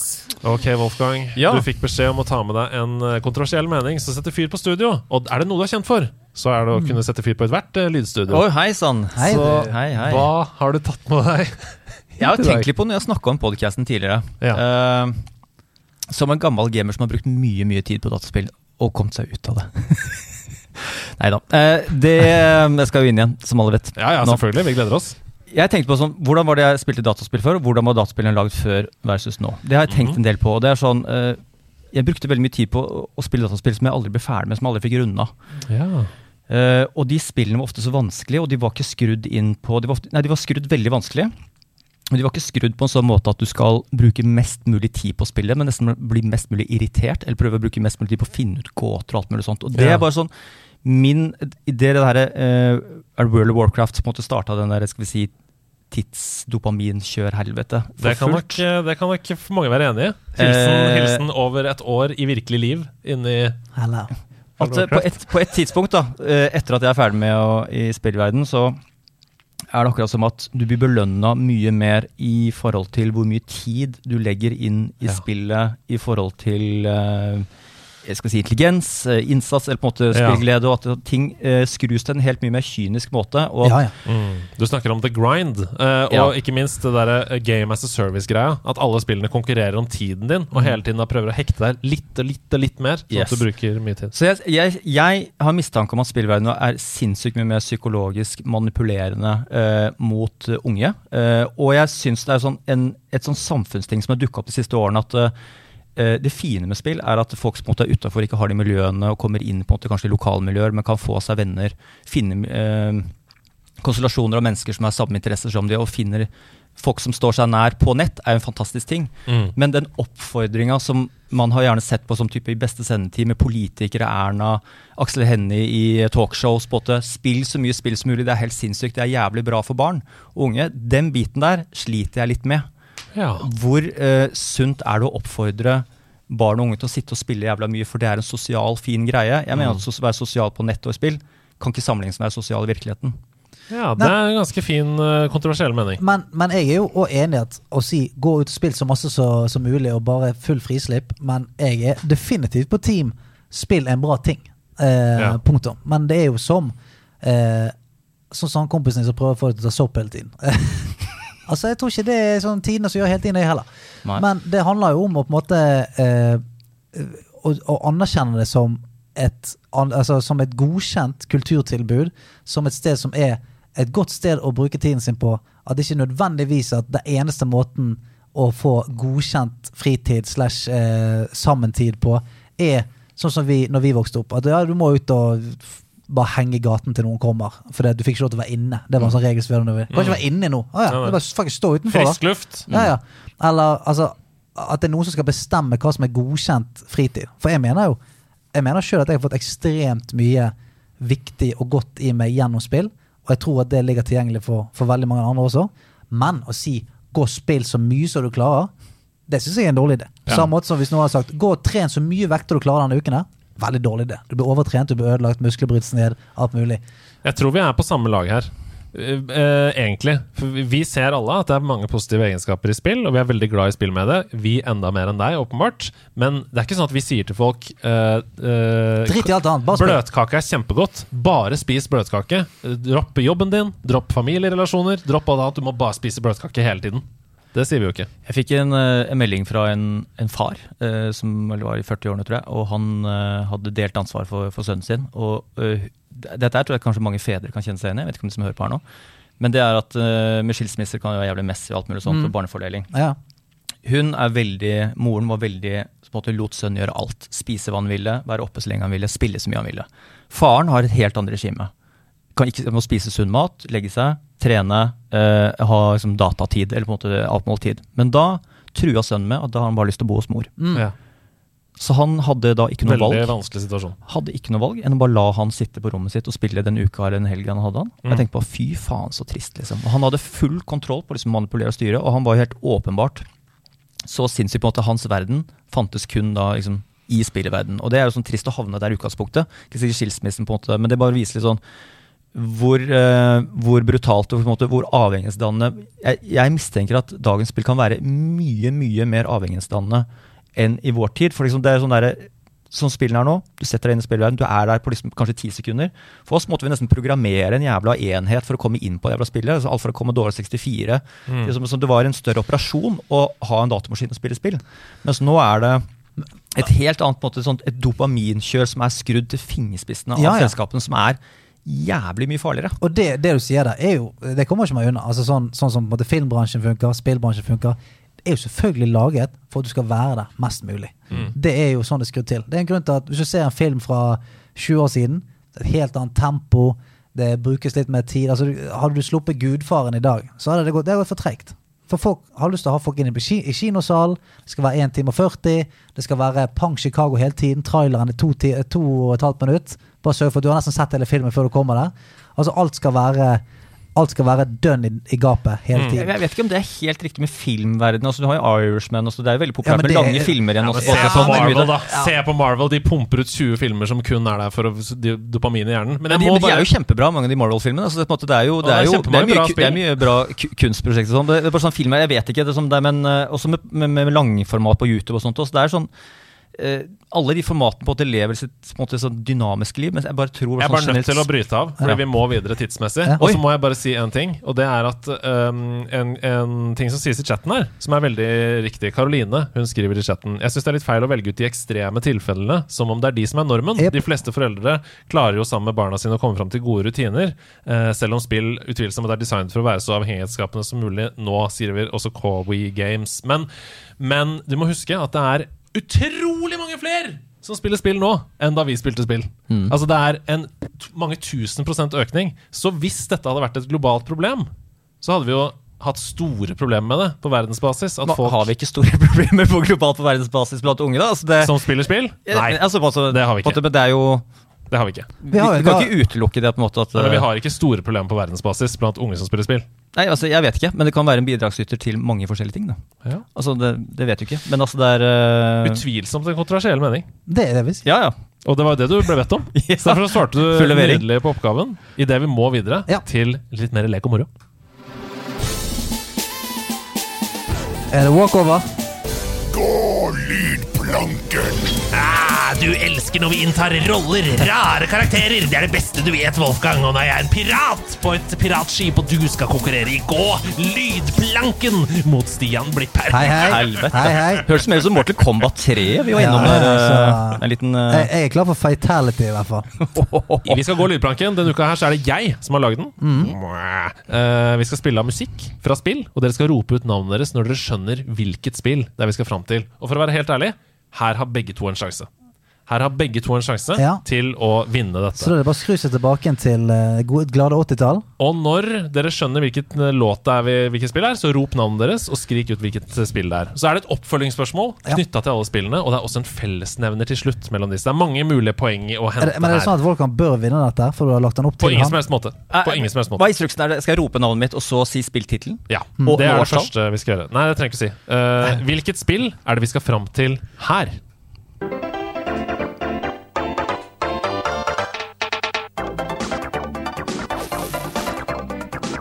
Fet musikk, i hvert fall. da.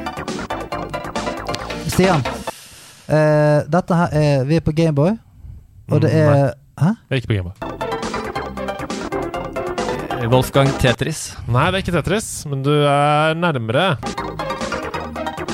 Nei, du er ikke nærmere. Er, er, er, det, er det deg, Spar?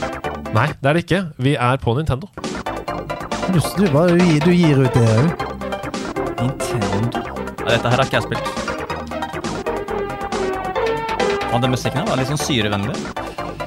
Vent litt. vent litt langbeinspillet? Nei, det er ikke det. Mine damer og herrer, blank, blank. dette er Super Mario Kart. Det første Mario Kart-spillet. Ah. Aldri spilt det. På Super Nintendo. Ja, det, spilte, det spilte jeg én gang, faktisk. Jeg leide det, leide det på Shell. Boikotta Super Nintendo var jo nemesisen til Mega Drive. Ah, kunne ja, du var Sega-gutt, ja. Sega Boy. Men Sega da Boy. har, er det heldig sånn at oppfølgingsspørsmålet går det an å resonnere seg slash gjette seg fram til. Og her vil jeg at dere skal bestemme dere for et tall. Ja. Ikke rope ut, bestemme dere for et tall, og 7000. så sier dere det. 7000. Mario Kart-serien har jo stadig utvida rosteren med antall spillere man kan spille med.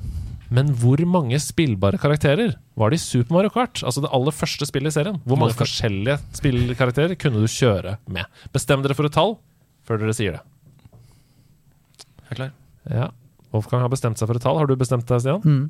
Wolfgang? Fire. Seks.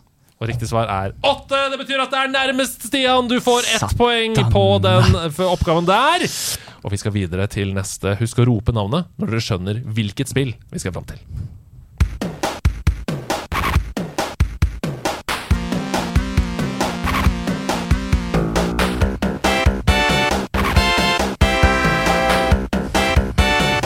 Jævlig fete.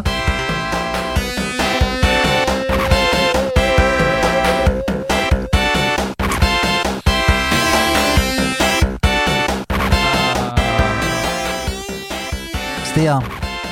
Simpsons. Ja, nei, nå skal vi over på Wolf sin konsoll. Wolfgang. Kan det være California Games, da? Nei, men det er bra tippa. Men det er ikke riktig. Det er langt unna. Oi. Kompliment.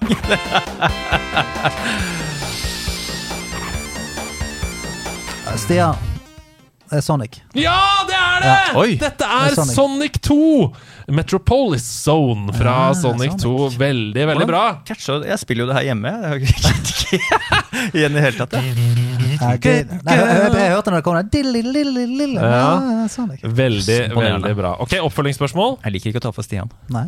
Oppfølgingsspørsmål. Get used to it, man! Men Derfor inviterer han på cage hele tida. Nå skal dere rope navnet deres når dere vet uh, riktig svar. I Sonic the Hedgehog 3 så var soundtracket mistenkelig fett. Og mistenkelig likt en kjent artist.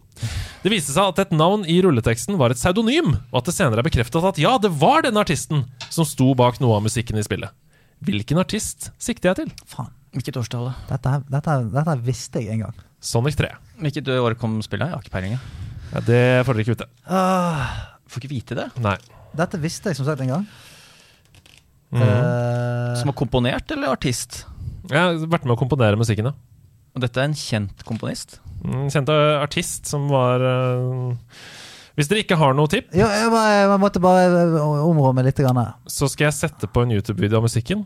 Og så kan dere da på en måte tippe Ja, ut ja, fra kjør, hva kjør, dere hører. Husk å rope navnet deres, Ja, ja. da. Dette er altså avslutningsmusikken under rulleteksten, som er laget av denne artisten. Stian, er det fuckings um, uh, Å, glemmer. Genesis, motherfucker. Nei. Wolfgang Nei, så det kan ikke være kernkraft. Nei, men Like a stranger in Moscow. Jeg sier hvem det er, da. Dette er Michael Jackson. Å ja! Har Michael Jackson komponert det? Helt riktig!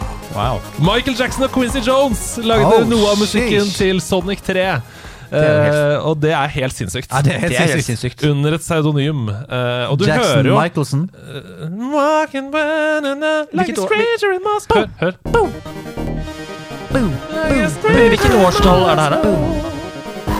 1994. Ja, det var fun Helt fact. utrolig rått. Ok, Ja. Det betyr at det fortsatt er du som har eh, to poeng, Ja. Stian. Og vi skal til neste oppgave. Hvilket spill er dette? Og jeg kan si dette er nevnt i dagens episode. Det er, sånn, det er så høyt nivå på det her. At. Stian. Uh, Monkey Island. Nei. Oi, Stian. Broken Sword. Nei. Hæ?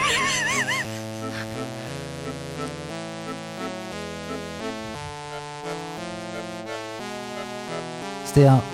det tent å gå Nei. Vi skal mye mer groteskt eh, til verks enn som så. Groteskt. Er det Wolfgang? Er det Doom, da? Å, det er nære! Hæ? Wolfgang? Wolferstein? Ja, det er riktig! Er dette Wolfenstein? Dette er Wolfenstein 3D, og dette er Hitler Waltz fra, fra Wolfenstein 3D. Det kjente jeg ikke igjen i det hele tatt. veldig bra. Der får du faktisk eh, ett poeng. Ja, det, aldri Eh, det var noe sånn-. Det var noe sånn transylvansk over det. Ja, sånn, det var det. eh, ja. Og, og noe sånn sirk sirkus. Uh, Og her Ja, ja, ja. kommer eh, oppfølgingsspørsmålet. Wolfenstein 3D ble banna i ett europeisk land. Hvilket? Wolfgang. Ja. Østerrike. Nei? Tyskland. Faen! Ja, det er riktig. Tyskland er riktig. Du sa, sa feil først. Ja. Og da er det, Bare for å gi Stian poeng, da. Nei, nå tar du.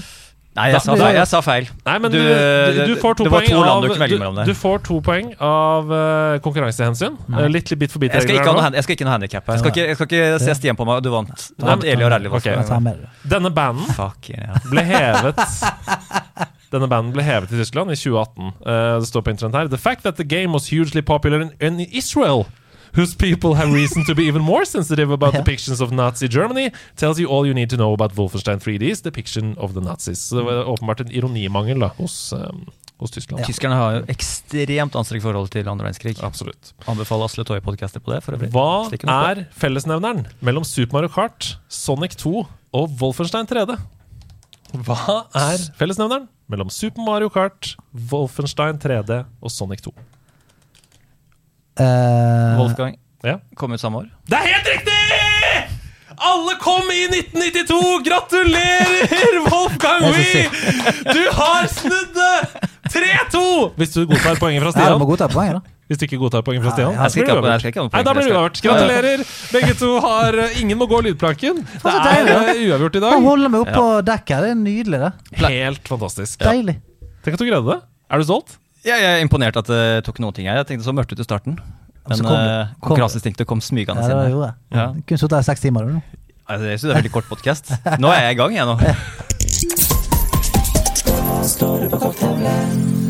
Passer bra at du er i gang, for vi har fått selvfølgelig masse spørsmål, Wolf, til deg uh, denne uka her, og til oss. Ja. Og vi begynner med Christian, som spør Er det noen ganger det er vanskelig å holde samtalen gående så lenge som du gjør. Wolf? Ja, det er selvfølgelig. selvfølgelig. Det er, eh, det er jo det er forskjell på å holde en samtale med noen og stille folk spørsmål i to timer. Ja, Det det er det. jævlig forskjell. Ja, det er det. Det er, eh, det er, det er helt forskjellig, og det du hører med en gang. De som er, blir en time lange, de skal bli en time lange. Og så er det de som bare sitter og skravler. De som blir lange, er ofte at gjesten bare er jævlig bra. Mm. uh, og at de bare har mye å melde, syns det er gøy å være der, og um, har, koser seg. Ja. Så det, det, det merker du med en gang. Vet du hva den beste gjesten har hatt hittil? For det, for er, Nei, nei, nei, nei, Så det er spørsmål til meg? Ja. Nei, det har jeg fått spurt mange ganger. Ja, det det, det er så forskjellig. Så det er så mye sånn der, Hva lærte jeg mest av? Hvem lo jeg mest med? Hvem hadde det gøyest med? Hvem på en måte overraska meg mest? Det er sånn, det er, det er liksom alt forskjellig, da. Så Ja. det er, Det eh, er Politikersvar igjen, da. Ja, men det er liksom, Jeg har ikke lyst til å plukke én, da. Nei. For da blir det sånn da nevnte jeg ikke den eller den. Ja, Men sant. Klokkismann eh, er inne og spør her, og sier Hvilke tanker har dere om å gå med rustning offentlig? Altså en fysisk rustning, eller altså, Ja. den, den metafysiske rustningen? Nei, det er fysisk ja, rustning. Kevlar, er det innafor? Liksom, sånn skuddsikker vest? vi snakker full eh, night, night outfit. Det må jo ha vært liksom eh, et eller annet opplegg, da. At du skal spille inn noe, eller ikke bare gå med rustning på en tirsdag. Det Altså, for jeg tenker umiddelbart sånn det er- konseptualisert. Ja, men du ser jo et sånt det, Når du ser på uh, hvordan de fikk på seg rustning og sånt, mye styr. Ja. Mye, må ha sånn underarmer, sånn at det, liksom, det gnager på deg. og Alt mulig, Sånn, Så må du ha gjerne en, en som tar det på deg, og en som tar det av deg. Og så er- ser jo ikke noe godt ut å gå i heller. Sånn, for meg så er det mer sånn eh, komfort eh, komf Hadde det vært dritnice å gå med rustning? Kanskje.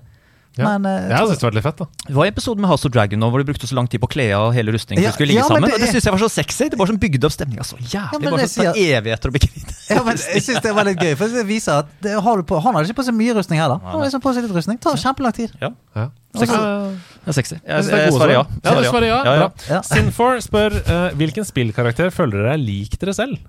Oi. Hva er nærmest deg sjøl, liksom? Gordon Oi. i Half-Life. Gordon? Du er helt lik! Det er ja. ikke det Du er jo Er det blitt så ille av det? Du er jo Du ser jo ut som Gordon i Half-Life. Jeg gjør det? Wow! Ja, Jeg syns du ser mer ut som Gordon i Half-Life. ja, det er sant. Men, eh, men kroppsbyggemessig og jeg ser for meg, du, har den, du har den fremtoningen som Gordon har. Det har ikke jeg. Hold Jeg kjeft altfor- er Know your way around a crowbar. Skal endelig få, få sjansen med hun Alex, som er så vakker. Ja, Half-Life Alex, ja. Mm, Ja, Alex. Det er nydelig. Liten crush der. Det kan du spille hvis du får deg VR-briller. Nye Half-Life-spillet. Ja. Alex. Det, er, det var skitne tanker. Det er Black Mirror-style, altså. Andreas, ikke ta meg ut der. Nei, jeg kan ikke det. Hva, ligner jeg mest på? Eh, Langbein fra Kingdom Hearts. Nei, Eh, Du ligner mest ja. litt mer på han eh, innkreveren i Animal Crossing. ja. Tom Nook. Tom Nook, ja. Ja. Gi meg. ja kom an, hvor er greiene? Hva med du, da? Hæ? Hvem er du? Nei, jeg er mer langbein. Nei, du, vet du hva? Du er, du er Sora. I, Oi, altså, en, en, en i naiv, drømmende gutt. Ja. eh, ja, Kommer han med kanskje. keybladen sin? Ja, bare håper at Kanskje alle bare være venner, da. Ja. Altså, men de som ser meg utenfor, tenker mer Marcus Phoenix, selvfølgelig. For Ja! Gears of War, tenker jeg. Men uh, Gears så- of War, stor som et kjøleskap. det er ikke jeg villig til å ta. Nei. Men selvfølgelig, hvis folk, hvis, hvis folk melder det, så ja vel, sier jeg da. Kjenner ikke igjen i det hele tatt. Nei, nei, men altså, så jeg skjønner, skjønner litt av det. Ja. Gard K spør hva er din største inspirasjon til å starte podkast? Uh, ja, hva var det? At jeg var forbanna? Du var forbanna? Nei, det, det er en historie jeg ikke har fortalt ennå. Så Å, den, den skal jeg du sparer til din egen podcast. Jeg sparer til min egen podkast. Det, det er en ting som utløste det, Ja. og så en ting som jeg hadde gått og tenkt lenge på. Det er vel kanskje det som egentlig er svaret på det. At Ja. Jeg hadde egentlig lyst til å lage en podkast som ligna på alle favorittpodkastene mine i USA. Tim Ferris, Joe Rogan. De type lange formatene. Så jeg hadde lyst til å lage det med Thomas Seltzer. Ja. Så jeg hadde lyst til å være produsent med Thomas Seltzer. Jeg tenkte at Thomas Seltzer skal bli så jævlig Joe Rogan i Norge. Ja. Så skjønte jeg at det kommer aldri til å skje. Hvordan skal jeg, hvordan skal jeg gjøre det? Hvordan skal jeg få til det? liksom? Så tenkte jeg sånn, nei, fuck it, jeg bare gjør det selv. ja. Så bare lage en Så inngangen var bare at jeg hadde lyst til å eh, Når jeg ble 35-36, så følte jeg at jeg var ganske dum. Jeg kunne veldig lite. Ja. Så jeg hadde lyst til å lære mer. Så det en slags sånn der, en eh, sånn, eh, det ble en læringspodkast. Jeg har lyst til å ta liksom smarte folk inn, og hyggelige folk inn, og lære nye ting. Ha det gøy. Og slett, jeg tror det kanskje var et selvutviklingsprosjekt. Det er det jeg har sagt aller mest. da. Og det er det egentlig fortsatt. Så de gjestene som pirrer meg aller mest, er de som på en måte jeg lærer noe og får noe ut av. da. Så bare sånn, og det tror jeg også folk liker. da. Mm. Spesielt unge gutter. At du finner liksom noen uh, mentorer smarte folk der ute som de lærer noe nytt av. For det er veldig mye underholdningspodkast der ute. da. Du har jo hatt noen litt kontroversielle stemmer også i podkasten. Føler du at, du måte, at det er viktig, eller at du legitimerer holdninger og meninger som kanskje ikke kan, bør se dagens lys? Dette er ikke mine meninger. Og ja, nei, jeg syns det er helt uh, Jeg, jeg synes det var interessant å høre hva oppegående, smarte mennesker på feil side av sine uh, egne meninger mener. da. Mm. Uavbrutt. Og få høre liksom på en måte forklare Kan du forklare meg hvorfor du mener og tenker som du gjør? Det syns jeg er dritinteressant. Å få høre det i en time og en halv time. Og hvis det faktisk er sånn at denne personen her faktisk ikke har tenkt gjennom meningene sine, at det bare er liksom, du slenger ut i media, altså, så vil det komme veldig fort gjennom i en lang samtale at her er det bare, dette her er veldig overfladisk, eller er det faktisk ganske gjennomtenkte meninger som kanskje er litt sånn tankevekkende i det store og hele. At du også på at, hm, det var ok, nå skjønner jeg hvor det kommer fra. Mm. Så det er men du er sånn ikke nødvendigvis eh, enig i det de sier, men du skjønner hvor du kommer fra. Du skjønner bakgrunnen. Ja, ja, så jeg vil vite hvordan de tenker, og hvordan Mm. de kommer fram til meningene sine. Uh, og det, det- altså, jeg prøver ofte å være litt kontrær og litt sånn djevelens advokat med gjestene, eh, til en viss grad. Så er det selvfølgelig noen jeg er dønn enig med, så det er vanskelig med og sånn. Men eh, å plukke inn gjest fordi den er kontroversiell, da kunne jeg plukka veldig mange eh, som på en måte jeg ikke syns er interessante. Da. Mm. Det er liksom på en måte bunnklangen. De må være interessante for meg, da. Interessant. Det siste spørsmålet her før vi begynner å nærme oss eh, slutten. Hvordan kan nesepusting kombineres med gaming? Kan det gi en ekstra edge? Ja, spør. Ben et Veldig godt spørsmål. Det ville jeg praktisert som et helvete. Ja. Det, altså, det, jeg vet ikke hvor intenst det er med når dere gamer, men altså, det er, går, er det del, er det en del munnpusting når man gamer, så er ikke det bra, tror jeg. Da blir du fort tørst. Ja. Uh, og jeg tror du kan få bedre oksygentilførsel til hodet. Bli klarere, holde lengre hvis du nesepuster. Men, men, men dette er en referanse til noe du har tatt opp i podkasten din? ja, ja, Pimplotion er jo Jeg har jo sju timers podcaster om nesepusting. Har, har dere det? Den lengste podcasten jeg har, så det er sju timer lang. Å, helsike. Så den, uh, Og- da er det nesepusting nese, neserelatert. To runder med pusting. Det har vært to runder å snakke om nesepusting. så det er, uh, vi er into the science. For de som lurer på har lyst til å være nysgjerrig på nesepusting, sjekk ut boka til James Nestor. Eh, 'Breathe' eller 'Breath', jeg husker ikke helt hva han heter.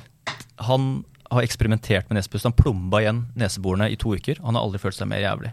Så han oppdager liksom at det er en ancient uh, krukke av visdom I eh, på nesen? måte, ved å puste med nesa. Det er sikkert lyst til å puste litt mer med nesen din. Og der du eksperimenterer med nesepusting, så eksperimenterer vi med å la andre ta over kroppen vår.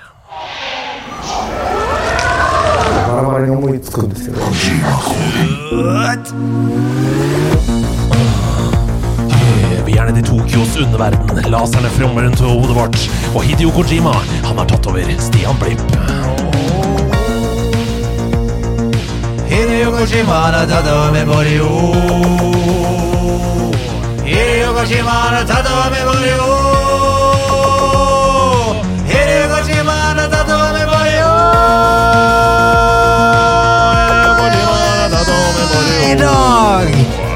Så er jeg spent på hva som ligger nede i undergrunnen her, og om Wolfgang V klarer koden sammen med Andreas He. Det. Mann. Jeg kaller det bare for He nå. I Kojima-koden så har Stian og jeg latt Hidio Kojima, en genial spillskaper, tatt over kroppene våre for å lage en rebus. Og i den rebusen så skjuler det seg et spill. Så du må knekke rebusen for å komme fram til spilltittelen. Og det er Stian som er først ut med sin rebus. Mm. Og så skal vi da prøve å slå hodene sammen for å skjønne Mm. hvilket spill det er som er i hans. Ok, okay. Her kommer han. Ja. jeg er klar. Jeg må huske hva jeg skrev. Stian har Han lar Hidio Kojima ta over hans kropp nå. I dette øyeblikk. Han har ikke, ikke gjort på forhånd. Nei. Ikke Simon the Sorcerer. Men du samler poeng til hus. Oi. Sjokoladefrosker hopper blant ugler og mus. Du samler poeng til hus. Sjokoladefrosker hopper blant ugler og mus. Ja, dette er Dreamlight Valley. Disney Dreamlight Valley. Det nyeste. Nei. Ah, nei. Jeg tenkte sånn, samle penger til hus. Uh, Jones in the fast lane, da. Men det er kanskje mer karriere. Vent, da. Sjokoladefrosker. Vi er jo inne i en tid nå der hvor det er veldig viktig, nemlig juletiden. Harry Potter. Ja, han nevnte jo ikke, ikke Harry Potter, sa han. Ja, ikke Eller- Simon the Nei, nei, Sorcerer. Og i, tidligere så sa han ikke Harry Potter. Ja. Da han nevnte om pek og klikk. Og så var han innom Days of Tentacle et sted. Kanskje det er en sånn uh, liten Freudian slip der. Jeg tror det er Harry Potter, jeg. Jeg tror det er uh, De, er det de vise sten det heter? Det PlayStation 2-spillet? Harry Potter Ikke, ikke se på meg, Andreas. Nei, vi, Ikke se på vi svarer er- Holder det å si Harry Potter? Med spysmakende jelly beans så går snopekontoen aldri konk. Knus noen kompiser i en runde rumpeldunk. Ja! Nei, men der hvilken- er Harry Potter! And The Sorcerer's Stone. Ja, det stemmer. Ja! Ja, da, der, der var det bare Hideo som tok, eh, tok over. Det var veldig bra til at han tok over det på Men stedet. det er ikke jeg som kommer med. Nei, det er veldig bra. Jeg er bare en eh, conduit. Ok, her er en ny oppgave som dere må løse sammen. Ja, ja. En uslåelig duo med fart og humør. Det er oss. Det er Wolfgang og Må løse mysterier, og i bil, de må kjøre. Det er Hasse som har tatt over min body. den Er, er det det? Ja, ja, ja, I bil må han kjøre? Ja. En uslåelig duo. Sam Max. Sam Max. De jobber frilans i 2D-grafikk Og du som spiller, må både peke og klikke. Det er helt riktig! da! Ja, ja, ja. Det, road! det var jo Freudian slipp på deg i stedet òg, Ja! det. Jeg nevnte min egen oppgave! Ja, ja, ja, ja. Min oppgave! Nei, det er helt rått. Og i bil de må kjøre! Den var hard. Ja, nei, eh, utrolig bra jobba, dere. Eh, to poeng til deg begge gangene. Å ja, takk. Fire poeng som du kan bruke i Korv Jima-boden. Mm. eh, Jeg har på fått masse pølse. Pokémon-kort. Jeg er Ja, det har superfornøyd. Det blir jo høye stjerne hos døtrene mine i to dager. Viktig. I to dager? Ja, ja. Men Og det så er lenge. er det jo sånn at vi er på den siste eh, første episoden i måneden, og Ja. da er det én spalte igjen.